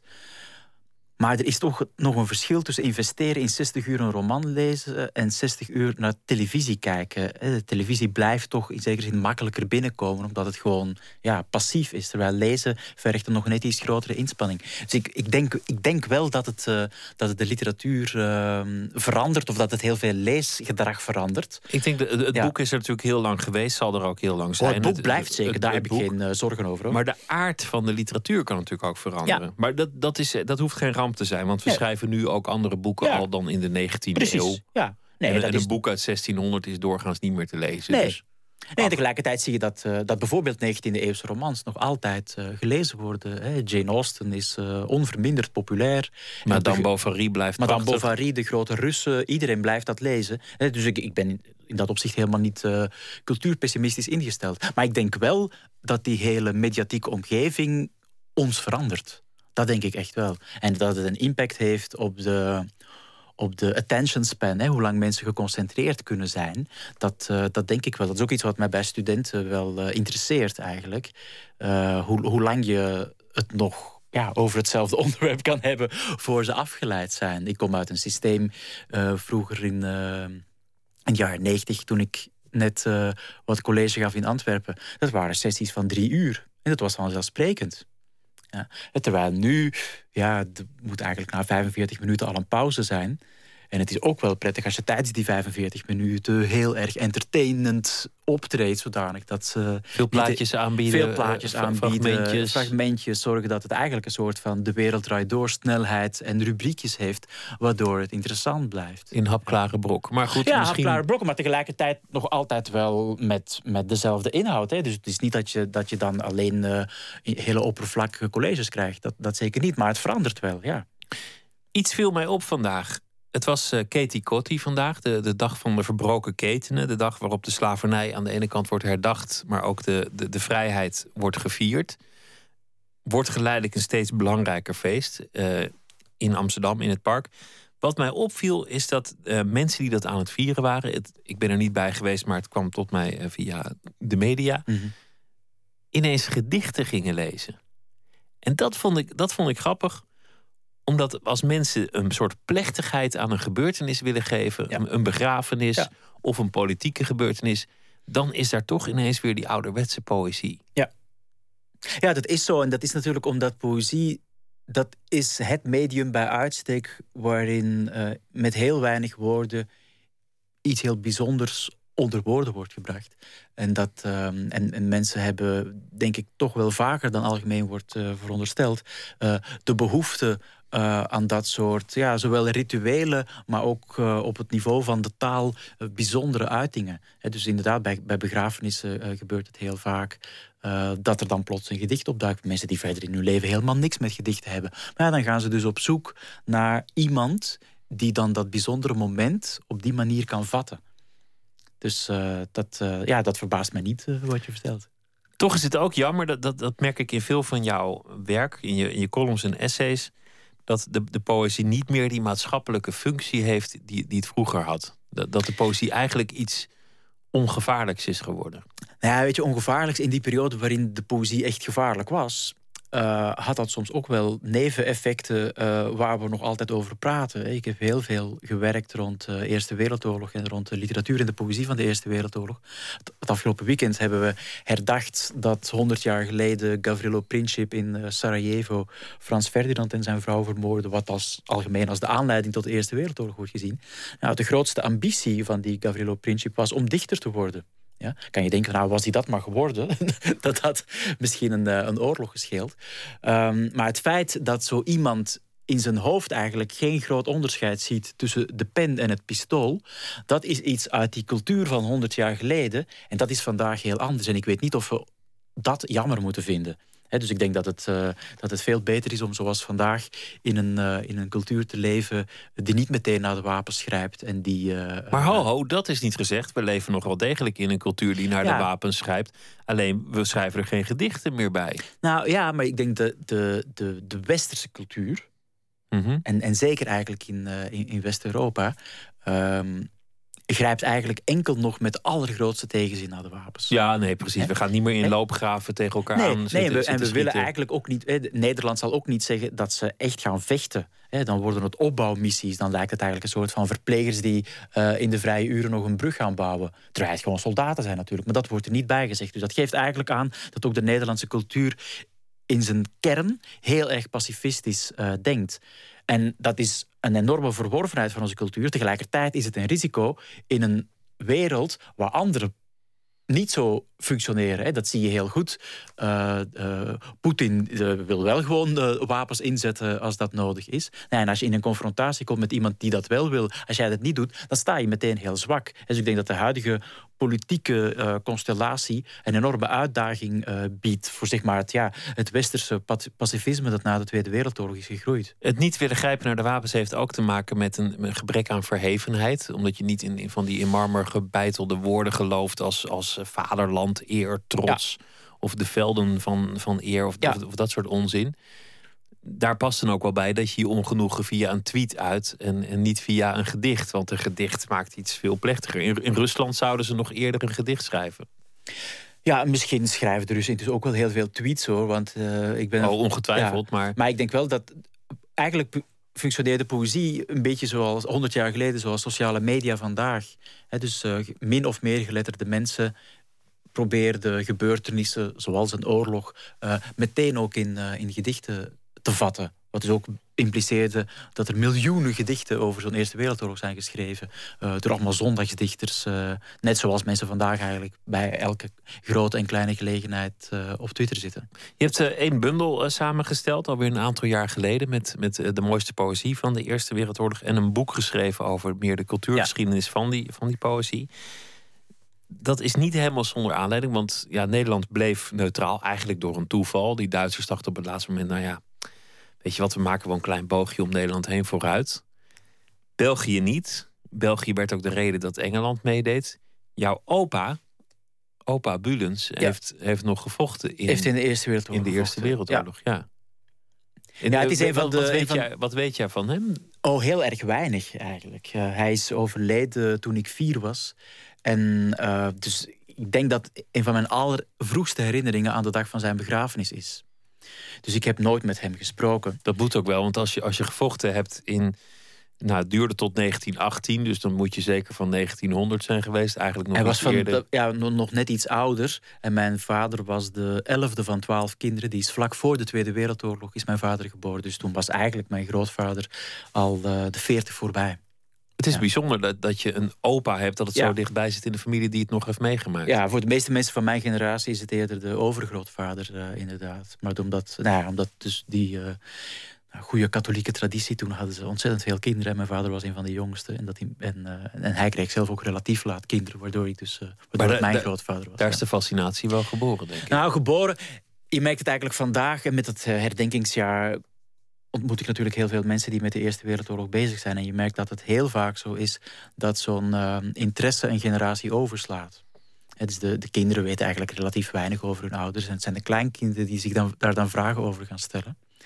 Um, dus dat is voor mij een deel van de fascinatie. Maar er is ook een, een, een, een literaire uh, fascinatie uh, die gekomen is door um, Paul van Ostaaien, waar ik mijn proefschrift over geschreven heb die belangrijkste Vlaamse uh, dichter uit de eerste helft van de 20e eeuw, um, die heeft over die oorlog heel veel geschreven. Dus op dat punt was ik er eigenlijk al professioneel al heel lang mee bezig. Het eerste wetenschappelijk artikel dat ik schreef toen ik net uh, begon, ging eigenlijk al over de Eerste Wereldoorlog in het werk van Van Ostaaien. dus er is, ja, het is meer dan alleen maar die familiale kant, maar die speelt zeker wel een rol. En toch ook een soort breuk in, in het bewustzijn van Europa. Die oorlog, heel duidelijk herkenbaar. Als je door die bundel heen gaat die jij hebt samengesteld met al die gedichten, dan zie je dat. Zie je die mentaliteit van de mensen veranderen. De teleurstelling, de, zeg maar de, de verwachtingen van 1914: van we gaan voor vaderland en volk en we gaan sleuvelen ja. en erop af. Dat maakt plaats voor een zo'n kil realisme. Voor, voor zo'n gruwelijkheid. Blackadder zeiden ze, vond ik een heel grappig ja. zinnetje, zeiden ze... het lawaai, het bloed en de eindeloze gedichten. Ja. Dat, dat was, was natuurlijk cynisch. Maar het, het bekendste gedicht Dat is van uh, Wilfred Owen, Anthem for Doomed Youth. Ja. We, we hebben een, uh, iemand die het voorleest. Oké. Nou ja, laten we dat, dat maar gewoon maar even draaien. De, de jongen die het schreef was, was heel jong. En is één dag voor het einde van de oorlog. De, de oorlog was al voorbij. Er was al getekend dat het over was. En toen is hij nog door een kogel geraakt. Heel tragisch. Anthem for doomed youth. What passing bells for these who die as cattle? Only the monstrous anger of the guns, only the stuttering rifle's rapid rattle can patter out their hasty orisons. No mockeries now for them, no prayers nor bells, nor any voice of mourning save the choirs, the shrill, demented choirs of wailing shells, and bugles calling for them from sad shires. What candles may be held to speed them all? Not in the hands of boys, but in their eyes shall shine the holy glimmers of goodbyes. The pallor of girls' brows shall be their pall, their flowers the tenderness of patient minds, and each slow dusk a drawing down of blinds. Nou, een indrukwekkend gedicht. Hier begon de 20e eeuw, kan je zeggen. Hier begon het cynisme, hier begon de wrangheid en hier begon ook een eeuw die verder ook weer heel veel bloedige narigheid bracht. Ja, nou, dat is zeker zo. Tegelijkertijd heb ik er in mijn werk eigenlijk een erezaak van gemaakt om aan te geven dat er ook nog andere verhalen speelden tijdens de Eerste Wereldoorlog. Eigenlijk verzet je je tegen dat dit het bekendste gedicht is waar historici altijd op teruggrijpen. Ja. Nou, waar ik mij tegen verzet is tegen de reductie van de Eerste Wereldoorlog tot het verhaal van de Britten. Het, mhm. en, en eigenlijk tot het verhaal van een Britse bovenlaag. Het waren eigenlijk allemaal elitaire jongens die inderdaad, zoals je beschreef, met die uh, idealen en ambities ten oorlog trokken, ontgoocheld raakten. Ehm, maar dat is een verhaal dat niet representatief is voor de rest van uh, de, het Britse leger en ook niet voor de Britse bevolking. En als je naar de Eerste Wereldoorlog kijkt, bijvoorbeeld als een Europees fenomeen, dan zie je op verschillende plekken in Europa dat daar toch ook heel anders naar gekeken is. dus tijdens die oorlog ontstaan er op allerlei plekken in Europa, vaak in de marge van Europa, dus van Ierland richting Finland, de Baltische Staten, maar ook in Vlaanderen en in uh, de Balkan, allerlei um, ja, nationalistische bewegingen die al een kern hadden in de 19e eeuw, maar die die oorlog eigenlijk beschouwen in toenemende mate als een mogelijkheid om daar zelf een eigen land aan over te houden. Dus de, de Ierse opstand, maar bijvoorbeeld ook Adolf Hitler, die ook als, als corporaaltje begon. Ja, maar Hitler is denk ik nog een beetje een ander verhaal, omdat hij echt gewoon deel uitmaakte van die, van, van die grote gevestigde landen en culturen die de oorlog waren begonnen.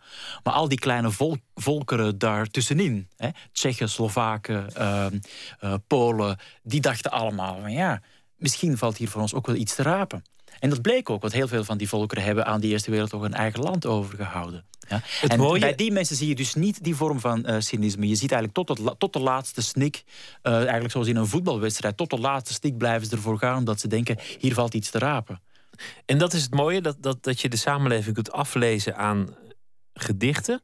Ik, ik maak even een grote sprong, weg van de Eerste Wereldoorlog. Ik vroeg me af, hoe is het voor iemand die gefascineerd is door gevaarlijke literatuur, literatuur die ertoe doet, mhm. literatuur die een samenleving verbeeldt of misschien zelfs verandert, om nu een prachtige nieuwe bundel te hebben die, nou ja, met hoeveel exemplaren ligt het in de winkel? 500. 500. Ja. Dus dat is eigenlijk in een tijd van massamedia niet heel erg relevant. Dit is voor de, voor de liefhebber en de fijnproever. Ja. ja, dat is zo. Ja, en dat is, um, dat is confronterend. Er zijn ook momenten dat ik dat. Ehm, dat ik dat frustrerend vind. Tegelijkertijd, het is ook niet zo dat al die dichters honderd jaar geleden uh, zo'n gigantisch publiek hadden. Al was het alleen maar omdat er verhoudingsgewijs minder mensen geletterd waren dan vandaag.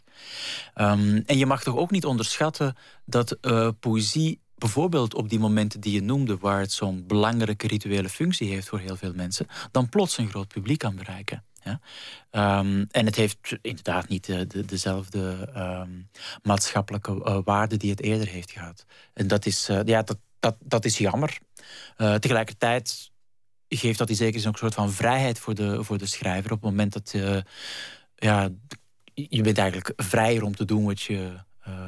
om je eigen traject te ontwikkelen. Want dat maakt eigenlijk toch niet uit. De lezers vallen je niet lastig? Nou, niet zozeer de lezers. Maar als je als je bijvoorbeeld wil experimenteren in, uh, in film of televisie, wat altijd ontzettend veel geld kost, dan is dat eigenlijk veel moeilijker. Hè? Want er kijken allerlei producenten uh, en ook kijkers in zekere zin mee. En die beperken wat je kan doen. Want elke minuut televisie, elke minuut film kost x. En dat is natuurlijk bij, bij, literatuur niet zo.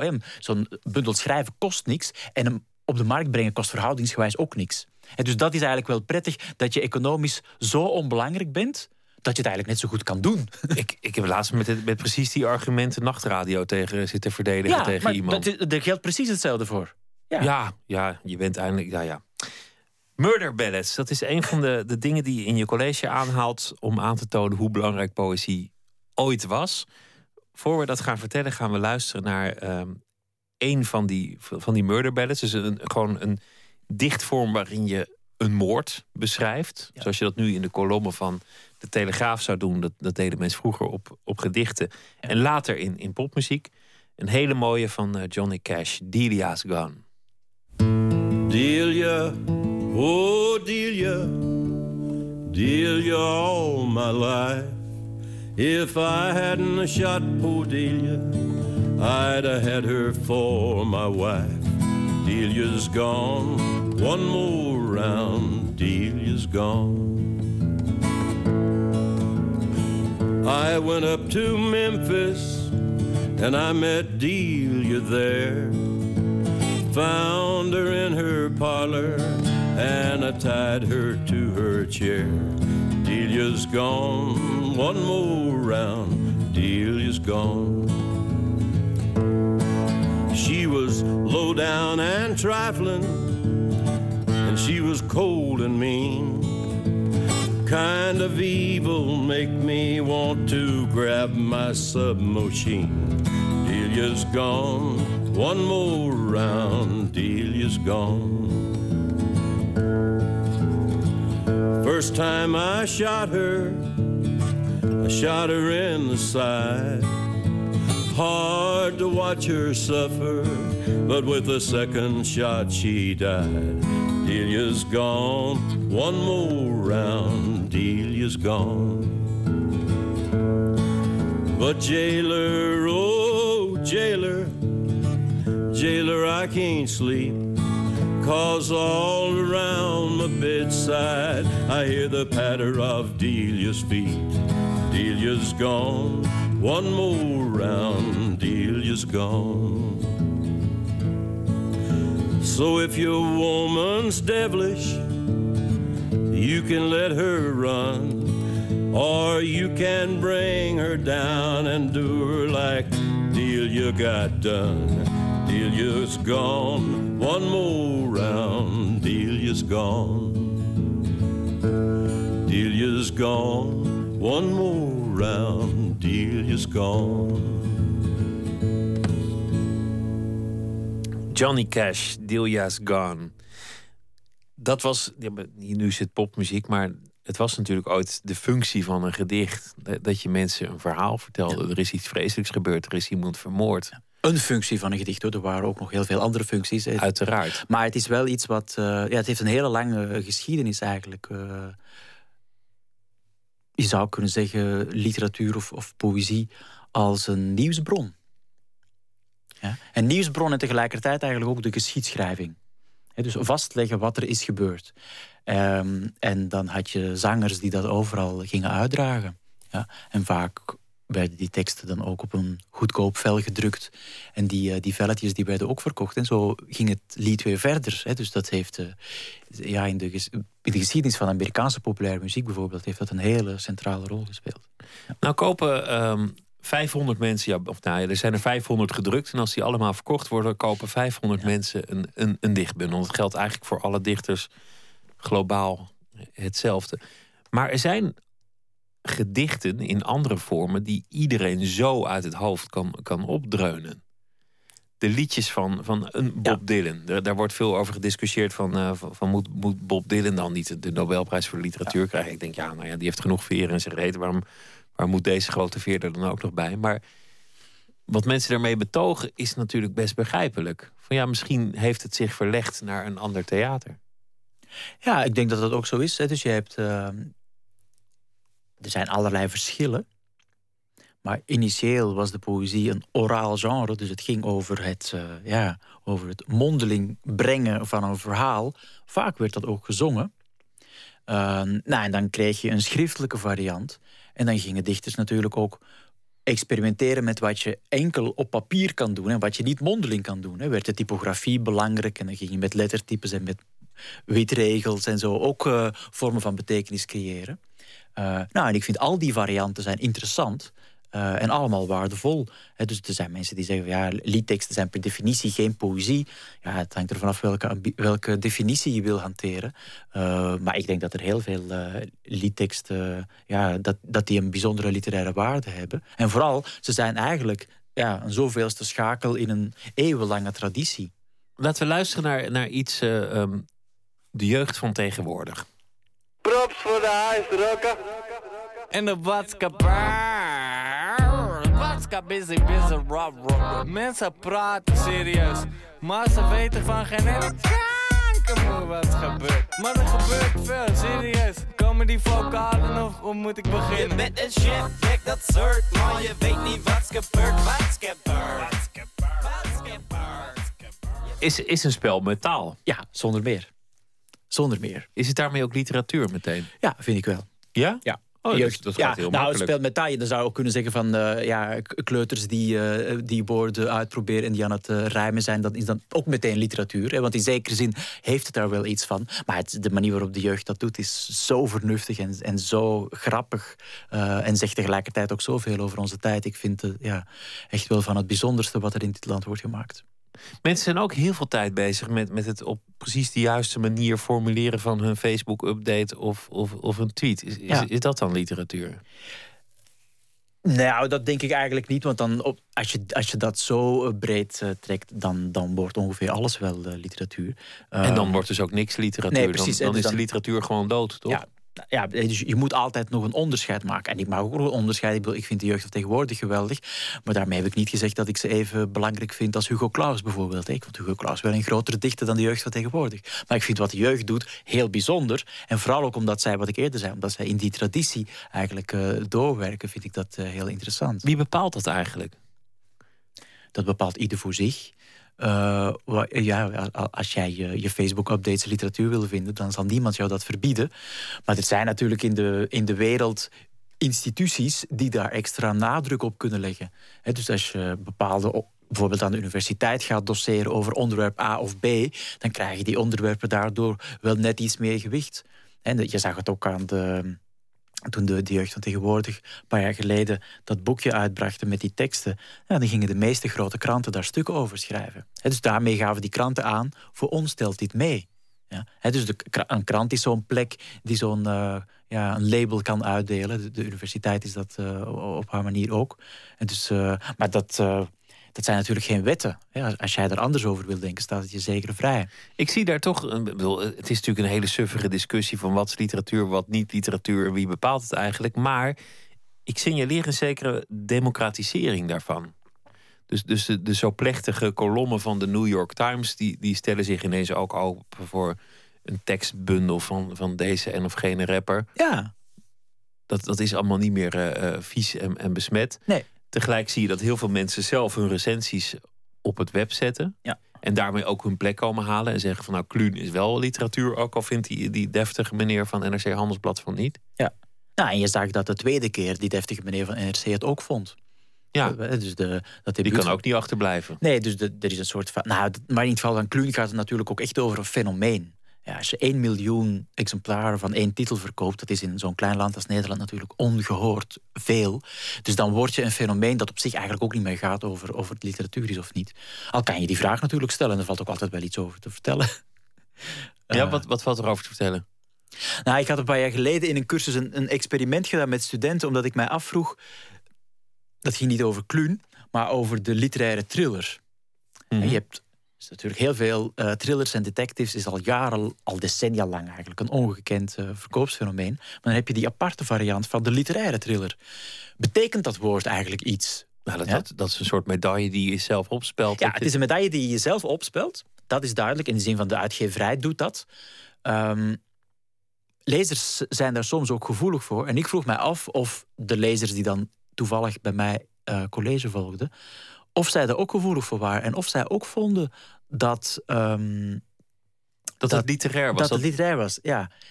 En dan was het antwoord toch over die hele lijn dat zij vonden dat dat geen literatuur was. Ja. Vond ik overigens zelf ook. Maar ik had mij ook kunnen voorstellen dat de studenten waren zeggen van ja, ik vind dit eigenlijk wel uh, literatuur. En, waarom niet? Wat, wat ontbreekt en, er Nou, wat, het, wat er dan ontbreekt, dat zijn eigenlijk hele traditionele literaire uh, kenmerken die te maken hebben met vormen van gelaagdheid, in subtiliteit, in uh, hoe een verhaal wordt verteld en hoe de taal wordt ingezet om dat verhaal te vertellen. En dat, uh, dus wij lazen de verbouwing van Saskia Noord. En dan blijkt dus dat heel veel studenten, uh, om te zeggen, in die groep eigenlijk alle studenten, uh, vonden dat dat aan elkaar hing van de clichés.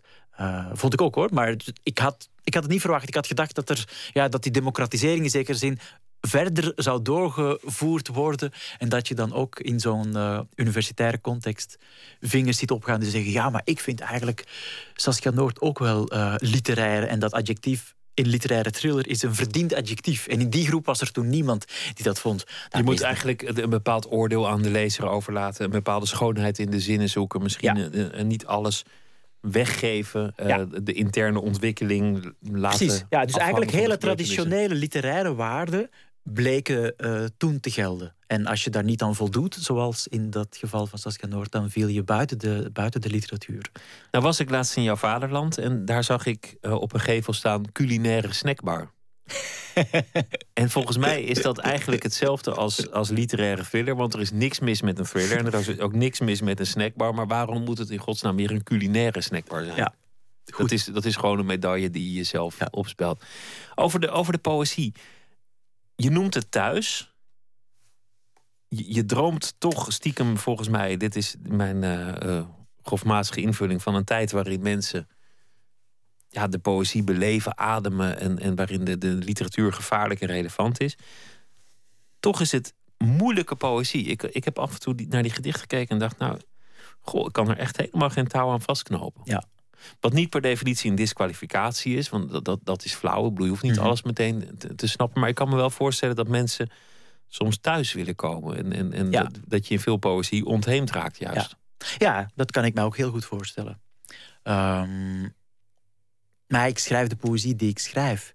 En dat, het, het vreemde is dat, je, dat ik daar niet. Uh, ik zou soms zelf misschien ook wel willen dat het eenvoudiger was of, of, of, of transparanter. Maar dat heb je niet altijd in de hand. Blijkbaar werkt mijn hoofd anders.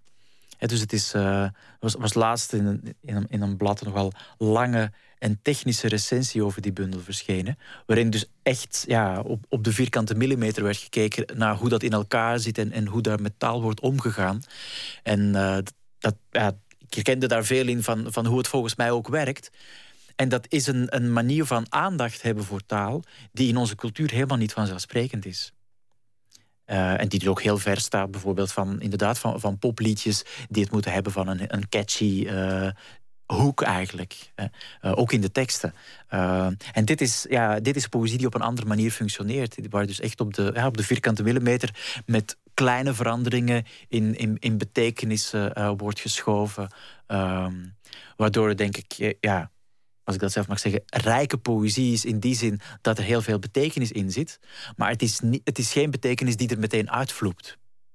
Maar daarnaast hoop ik wel dat, het, dat er ook gedichten in die bundel staan ja, die jou meteen een gevoel geven of, of die ergens iets in jou raken zonder dat je meteen kan zeggen waar het over gaat. Dat, dat was ook het geval, die, die geruststelling geef ik je. Maar ik heb soms met, met gedichten, dan, dan heb ik niet specifiek over, over jouw bundel, maar, maar in het algemeen met gedichten, ik denk ja, iemand zou ook gewoon willekeurige woorden op een rij kunnen hebben gezet. Ik, en, dan, en dan wordt het een soort denksport. Ja. Ben ik dan een ongetrainde lezer? Ja. Ja. Ja, maar, ik, maar, ik, snap, ik snap heel goed dat je, dat, dat zo overkomt. Ik, ik, dat snap ik heel goed. Um, maar ik denk een, een, een min of meer getrainde lezer ziet dat dat toch niet zo is.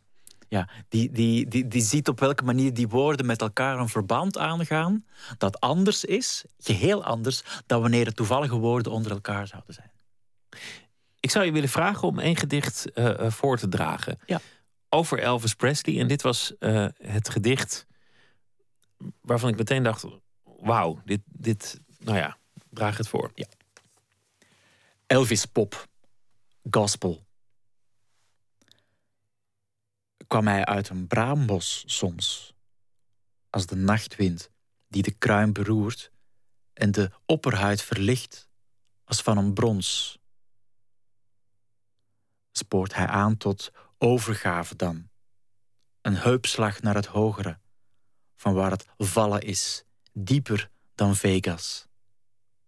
Valleien, velden, rivieren, bakens in een land zonder vrees. Alwaar hij niet hem terugvindt, maar zichzelf. Dit riep meteen beelden op. Beelden van Amerika, beelden ook, ook het religieuze, het, het braambos. Het riep beelden op van de, de, de loopbaan van een man die valt. En een man die een heel land verandert. Maar een man, man die uiteindelijk zoekt naar God, maar zichzelf tegenkomt in zijn succes. En het werd ook visueel. Ja. In die zin. Ben je ook trouwens een Elvis-fan? Is dat daarmee ook gezegd? Nou, ik vind Elvis een buitengewoon interessant fenomeen. En hij heeft een, uh, een aantal waanzinnig uh, goede dingen gemaakt natuurlijk. Maar het is niet... Uh, nee, dan ben je geen fan als je dat zegt. Nee, nee precies. Als je het vergelijkt met, met Dylan of the Beatles... die zijn voor mij veel belangrijker dan, dan Elvis. Maar als fenomeen, als cultureel fenomeen... is, is Elvis misschien wel ongeëvenaard in de, in de 20e eeuw. Ik denk, ja, Chaplin en Elvis... dat zijn toch wel hele extreme culturele fenomenen. Ja. We gaan luisteren naar, uh, naar Elvis. En een van zijn aller, allerbeste periodes, 1968. Hij, uh, hij kwam terug, hij was in het, in het leger geweest. Hij was nog uh, mooi, hij was goed bij stem. Volgens mij is daar ook alles misgegaan. Ergens in het leger hebben ze iets met Elvis uitgehaald... dat, dat die hele vernieling van die arme man in zich droeg. Maar dat is een, een persoonlijke theorie. Het liedje heet Long Black Limousine.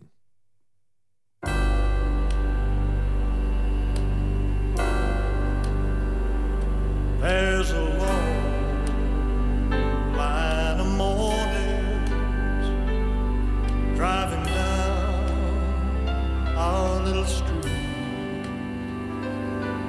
Their fancy cars are such a sight to see.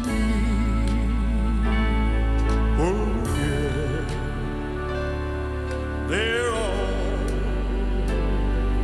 your rich friends who knew you in the city. And now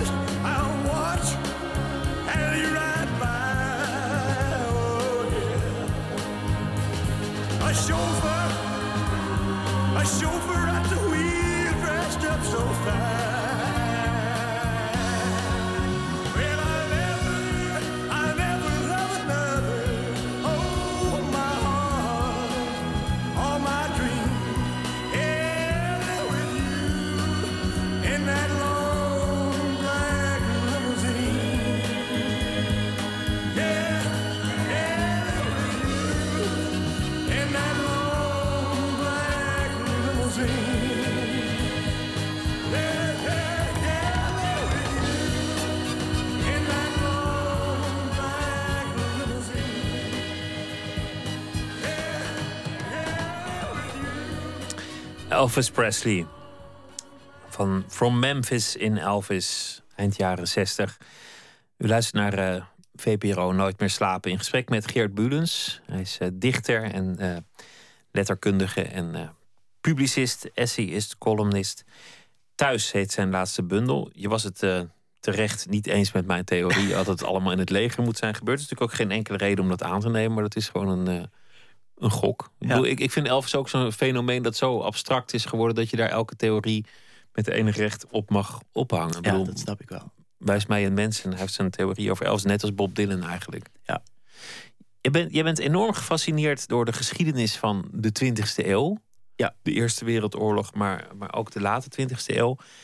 Ook de jaren 60 en ook dan vooral de, de burgerrechtenbeweging. Ja, niet alleen de burgerrechtenbeweging. Het is wel een van de eerste stukken die ik over de jaren 60 schreef. ging inderdaad over de burgerrechtenbeweging en de manier waarop de, uh, de jazz en de free jazz daarmee verweven is, uh, is geraakt. Um, maar mijn fascinatie voor de jaren 60 gaat eigenlijk nog, uh, nog verder dan dat intussen. het is denk ik het meest becommentarieerde decennium uit de, de vorige eeuw. Los van de eigenlijke twee wereldoorlogen. Hè, want er is natuurlijk over die twee wereldoorlogen heel veel gezegd en geschreven.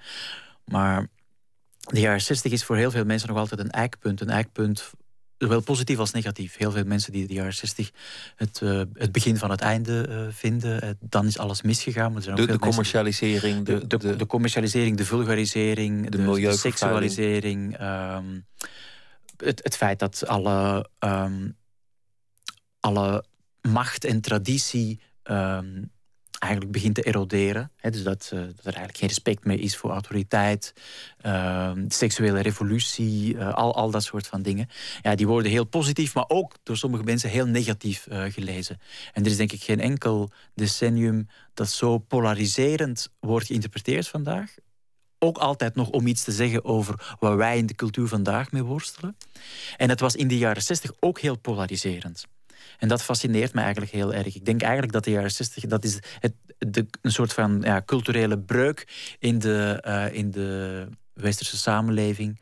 Um, Misschien is het nu wel dat, dat dit de jaren 60 zijn in de Verenigde Staten van, van die andere groep. Wat, wat Nixon begin jaren 70 de silent majority ja. noemde. Van al die hippies protesteren ja. wel tegen Vietnam, maar ik weet dat de zwijgende meerderheid ja. ervoor is misschien zijn dit wel de jaren zestig, inclusief uitwassen, provocaties en, en iets wat doorschiet omdat je weet dat je de tijdgeest eh, als een wind in de rug hebt van die andere groep. En misschien zijn nu de hippies wel gewoon de silent majority. Dat, dat de meeste. Ja. Dat, uh, dat zou zomaar kunnen. Daar, daar het is interessant dat je dat, uh, dat begrip silent majority inbrengt, want dat is eigenlijk het. Uh, ja, het, het, verborgen thema van het onderzoek dat ik wil doen naar de jaren 60. Omdat ik mij dus afvraag hoe die wat die silent majority eigenlijk was, hoe die zich manifesteerde. En als die zich manifesteerde, was die dus eigenlijk niet silent. Um, en wat die, die grote breuk in de, uh, in de cultuur eigenlijk heeft veroorzaakt. Um, maar dat kan ik nu nog niet beantwoorden, want ik ben nog maar ben al een tijdje bezig met het onderzoek, maar nog niet ver genoeg om dat uh, te beantwoorden. Maar die silent majority is eigenlijk wel een van de grote dingen die mij, uh, die mij fascineren. En Omdat je doet dat onderzoek ook voor een groot deel daar. En je geeft daar ook les in, in, uh, in de VS? Nu? Nee, dat is niet zo. Nee, ik heb, nee. ik heb in, de, in de VS een, een semestercollege gegeven in Berkeley. En ik heb voor dat Eerste Wereldoorlogboek een half jaar onderzoek gedaan in Washington. Maar ik geef niet structureel in de Verenigde Staten les. ik geef wel structureel in Zuid-Afrika college. Um, en dat is ook heel, uh, in, die, in, het licht van de jaren 60 een, een heel interessante periode. Omdat uh, de apartheid eigenlijk zich uh, ja, heel sterk ontwikkelt met, met, met gruwelijke episodes in de Zuid-Afrikaanse geschiedenis. Terwijl het in Amerika juist wordt, wordt afgeschaft. Ja, precies. En dus Zuid-Afrika ja, voelt zich eigenlijk min of meer in de knel raken. En dan krijg je dus ook het proces rond het ANC, Mandela, die de gevangenis ingaat. en vormen van verzet uh, toch ook weer uh, in de literatuur en, en, en de film, uh, waar dus al, al, vragen worden gesteld bij bepaalde ideologische pijlers van die apartheid. En dan duurt het dus nog decennia voordat breder uitbreekt. Hè. Maar dus dat zijn die smeulende dingen, dat smeulende verzet, maar ook die smeulende silent majority, die ik heel fascinerend vind. En de cultuur speelde daarin een, een heel grote rol. Het, het waren niet alleen maar de, de traangasgranaten en, en de rubberkogels die het verschil maakten. Daar zit iets geks in. De, de, de jazzmuziek, de, de, free jazz. alle vormen moesten worden voor, eh, losgelaten. Ornette Coleman, dat soort artiesten. Door, door de muziek te bevrijden van zijn, van zijn oude vaste patronen. Het werd er niet altijd mooier op, moet gezegd worden. Je moet ervan houden. Maar dat viel voor die artiesten samen met het verwerven van je vrijheid maatschappelijk en persoonlijk. Ja. Interessante gedachte. Ja. het was een idee van, van democratisering. Wat dus ook impliceerde dat ehm, in het geval van die free jazz, ja, dat je samen componeert. dus dat het niet één componist is uh, wat die dan, de baas is. Of die dan de baas is. Nee, het is gewoon een, een, een zoals bij Coleman, een, een kwartet dat samen eigenlijk ontdekt uh, waar ze naar onderweg zijn. Hey, misschien wel een vaag idee van waar je naar onderweg bent, maar het is niet voorgeschreven. Dus het is in dat opzicht heel erg spannend. Maar het kan natuurlijk onderweg ook misgaan. En dat heb je natuurlijk ook bij freezers. Inderdaad, heel rare momenten. Momenten dat je denkt van, word ik acht hier naar te luisteren? En 20 seconden later kan er iets fenomenaals gebeuren. En dat is natuurlijk heel erg spannend. Maar het, het, is eigenlijk net zoals bij die, bij die poëzie. Ja, ik begrijp wel dat mensen denken... waarom mag het niet gewoon mooi zijn? Nou, en in de jaren zeventig schoot het door. Want toen kwamen er ook mensen die niet konden spelen. En die dachten, ja, welke dictator zegt eigenlijk dat je moet kunnen spelen? Ik, ik, ik heb ook het recht om mee te toeteren, al heb ik het nooit eerder gedaan. En dat soort varianten heb je in de literatuur natuurlijk ook gehad. Uh, ja. Mensen die zich ermee gingen bemoeien, maar echt niks konden. Ja. ja. Ja. ik ben in dat opzicht heb ik een ouderwets standpunt. Ik vind dat je wel iets moet kunnen. Voordat je, nou, zeker als je free jazz gaat doen, dan moet je, moet je verdomd goed kunnen spelen. Anders, anders wordt, het, wordt het gewoon heel lelijk. Je doet lang over een gedicht. Er zit veel tijd tussen, tussen je bundels. Je had het eerder over dat je ehm, jezelf een beetje afsluit. Geen Facebook, geen internet. Geen, uh, althans op gezette tijden geen internet. Geen mobieltje. Ja. Want je moet rust hebben. En dat is dan pas om, om te kunnen werken en te lezen aan je essays. Hoeveel, ja. In wat voor stemming moet je verkeren om, om zo'n gedicht te kunnen schrijven? Ja, in een stemming die niet altijd georganiseerd kan worden. Dus de belangrijkste reden waarom er zoveel jaren tussen de tweede en de derde bundel zit, was dat ik nou, in die tussenperiode naar Nederland verhuisde, hier hoogleraar werd, wat allerlei vormen van hard werken impliceert. Maar in die periode ben ik ook een tijd lang uh, drieënhalf jaar departementshoofd geweest. En dat betekent eigenlijk dat je hoofd helemaal opgaat aan bureaucratie en aan papieren en aan begrotingen en aan reorganisaties. Poëtische dingen. die alles behalve poëtisch zijn, maar die mij wel helemaal hebben uh, opgesloord.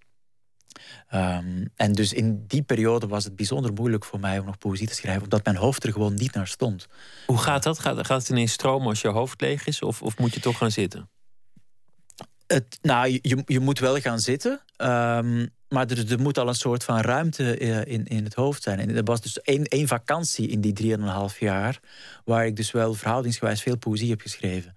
En dan had ik eerst een paar vakantiedagen nodig om die stress uit mijn systeem te krijgen van uh, al dat universitaire gedoe. Maar zodra dat het geval was, dan, ja, dan ging er een soort van knop om in mijn hoofd. En dat was heel prettig om te merken dat ik het nog altijd kon.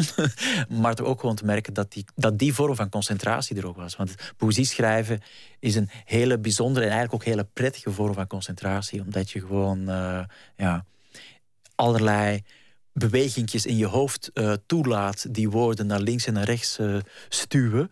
En dan ontstaat er iets op papier. En dat is een hele bijzondere ervaring. Maar het is niet iets wat ik kan organiseren. Ik kan niet zeggen, nou, morgen om kwart over vijf heb ik een half uurtje en dan schrijf ik even een gedicht. Zo werkt het niet bij mij. Het zou wel handig zijn, maar zo werkt het niet. Zouden gewone mensen vaker gedichten moeten schrijven? Nee, dan moeten, alleen, ze, moeten zeker niet.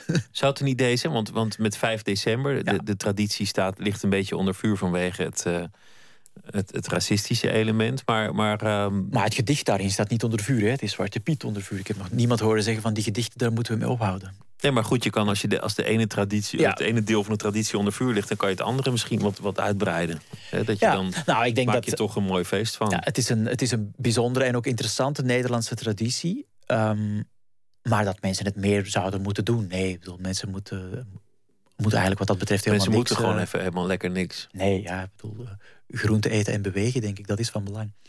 Ook dat moet niet, maar het, is. Nee, het, maar helpt, het, helpt wel om. Nou ja, dat vind ik trouwens een mooie vergelijking. Want groente eten en beweging doe je in je eigen uh, belang, omdat het goed is voor je welzijn. Ja. Kan poëzie schrijven goed zijn voor je welzijn? Nou, ik denk dat het sommige mensen. Het, het heeft een therapeutisch effect op, op mensen. Hè? Dat je in, in in momenten van extreme, extreem verdriet of extreme eenzaamheid. Er worden heel veel therapeutische gedichten geschreven. Heel vaak hele slechte gedichten, maar dat maakt niet uit. Want die waren niet bedoeld om de Nobelprijs te winnen. Die waren bedoeld om even met die emotie iets te doen. Ja, dat, vind, ik, dat vind ik altijd ingewikkeld. Dan eh, zegt iemand, ja, van, nou, ik, ik heb, er is iemand overleden en ik heb een gedicht geschreven. En dan, ja, dan kun je het niet over je hart verkrijgen om te zeggen dat natuurlijk een Nee, precies. Dat, dat, is dat eigenlijk ook niet, ook niet, gepast om, om dat te zeggen. Want het gaat op dat moment niet over die kwaliteit. Het gaat over de, uh, de enormiteit van die emotie die mensen proberen te kanaliseren. En dat is precies wat poëzie doet. Poëzie kanaliseert, want het gaat altijd om weinig woorden. En dus op die manier, de, de teveelheid van emotie, die komt dan op zo'n blad terecht, waarna mensen soms makkelijker met die emotie om kunnen gaan. Nou, als dat zo werkt, vind ik dat fantastisch. Maar het is voor mij iets anders dan de, dan de poëzie die mij bijzonder interesseert of waar ik college over zou geven. Maar dat therapeutische is wel iets wat, uh, wat, wat ik heel ernstig neem, omdat het gewoon zo werkt. Ook voor jezelf?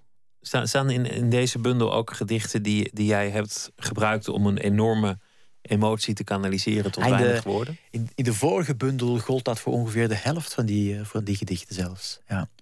Dat, was, dat was eh, voor mezelf ook heel uh, confronterend om dat te merken. Uh, maar er gebeurde iets heel heftigs en dan zijn, zijn er een hele reeks gedichten op hele korte tijd ontstaan die daar op een bepaalde manier vorm probeerden aan te geven. En die me toen ook wel hebben geholpen. En dat is, uh, ik zeg dat dat confronterend is, omdat ik kom eigenlijk uit een, uit een manier van naar poëzie kijken wat je dan poëtica noemt, die eigenlijk altijd zei van ja, dat is niet waar poëzie over gaat. Hè. Uh, dat je toch academisch had leren kijken naar de poëzie? Nee, niet omdat ik daar academisch naar had leren kijken. Dat, dat ook wel, maar ik heb ook heel veel poëzie gezien die, die, die wel zo werkt. Maar te zeggen, in, in mijn kringen is dat niet, was dat niet de meest hippe manier of de meest uh, hooggeachte manier om, om naar poëzie te kijken. Poëzie als therapie is toch vaak iets waar uh, een beetje meewarig uh, over werd gedaan. Was het, was het de dood of was het de liefde, de gebeurtenis die. Het, het was de, ja, de liefde in een bepaalde variant, zal ik zeggen. Ja. Nou, nou snap ik het niet meer, maar goed. Je hoeft, je hoeft het niet helemaal uit de doeken te doen als je dat niet wil. Maar het, was wel, nee, het, was wel, het was wel heel heftig, uh, ja. Um, dus een, een soort van gevoel dat je helemaal overneemt, eigenlijk. Uh, dat, dat, uh, dat je er gewoon dat je gaat slapen en je staat op en dat gevoel is er weer. En toen bleek poëzie wel iets te zijn waar, ja, waardoor ik dat een beetje kon, ehm, kon controleren. Niet helemaal hoor. Want, maar, maar, begreep je dan ja. altijd zelf de, de, de poëzie die je schreef? Nee. Nee. Nou, niet, niet begrijpen in de zin van dat ik meteen van A tot Z uh, een mooie interpretatie zou kunnen geven. Dat kan ik vandaag wel, omdat die gedichten tien jaar geleden geschreven zijn. En ik kan daar met mijn professionele blik kan ik ongeveer alles interpreteren. Um, maar op dat moment, uh, nee, maar da daar ging het eigenlijk niet om. Uh, en tegelijkertijd zijn ook die gedichten wel. bedoel, ik, ik vind die nog altijd goed genoeg. In, in die zin dat ik merk eigenlijk hoe dat ook technisch goed in elkaar zit. Maar dat had wel een, een, een emotionele geladenheid die, uh, die heel bijzonder was. Ja. Dat is interessant, want, want nou ja, de meeste mensen hebben wel eens een periode van intensief liefdesverdriet meegemaakt. Maar ik, ik vermoed dat voor de meeste mensen geldt als je in die periode gaat dichten, dat je die gedichten daarna ook in, in, in een la moet stoppen en die la ja. ook vooral nooit meer moet openmaken. Ja, dus misschien heel therapeutisch, maar bij jou was het uiteindelijk ook van literaire waarde. Dat hoop ik, ja, dat hoop ik, ja. ja het is natuurlijk moeilijk om dat van jezelf te zeggen, maar ik denk dat, uh, ik denk, ik denk, dat veel mensen dat, dat kunnen lezen en geen kwaliteitsverschil zien met andere gedichten, uh, of geen negatief kwaliteitsverschil zien uh, ten opzichte van gedichten die niet vanuit die extreme emotie tot stand kwamen. Als je dat nu terugleest, jaren later, die, gedichten. Ja, ik heb ze een, een, een tijd geleden allemaal na elkaar um, ingesproken. Er werden, werden, opnames gemaakt voor een website en voor vertalingen en zo. Um, en ik vond het toen wel, uh, wel heftig, ja. Het was wel heftig. Dat, dat, je ook wel merkt van, oh ja, dus dat was de plek waar ik me toen bevond. Wel prettig dat ik daar, niet, dat ik daar nu voorbij ben.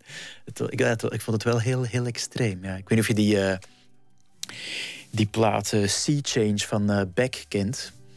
Ook echt zo'n uh, hele ja, deprimerende plaat van iemand die uh, bijna uit elkaar gebarsten is van, uh, van verdriet. En dat, ja, daar deed het mij wel een beetje aan denken. Ja. Je bent er Je bent eruit gekomen in ieder geval. Ja. Dat is, dat is het goede nieuws. Je, je nieuwe bundel heet eh, Thuis. Geert Burens, dank je wel voor je, je komst. En, eh, Heel graag gedaan. Veel succes met eh, alles wat je verder gaat doen en met je onderzoek naar de jaren 60. Dankjewel. Dit was Nooit meer slapen voor deze nacht. Morgen zijn we er weer gewoon na middernacht. Zoals normaal gesproken, want dan is er even geen voetbal. Via de mail nooit meer slapen vpro.nl of via Twitter VPRO NMS. Ik wens jullie nog een hele goede nacht.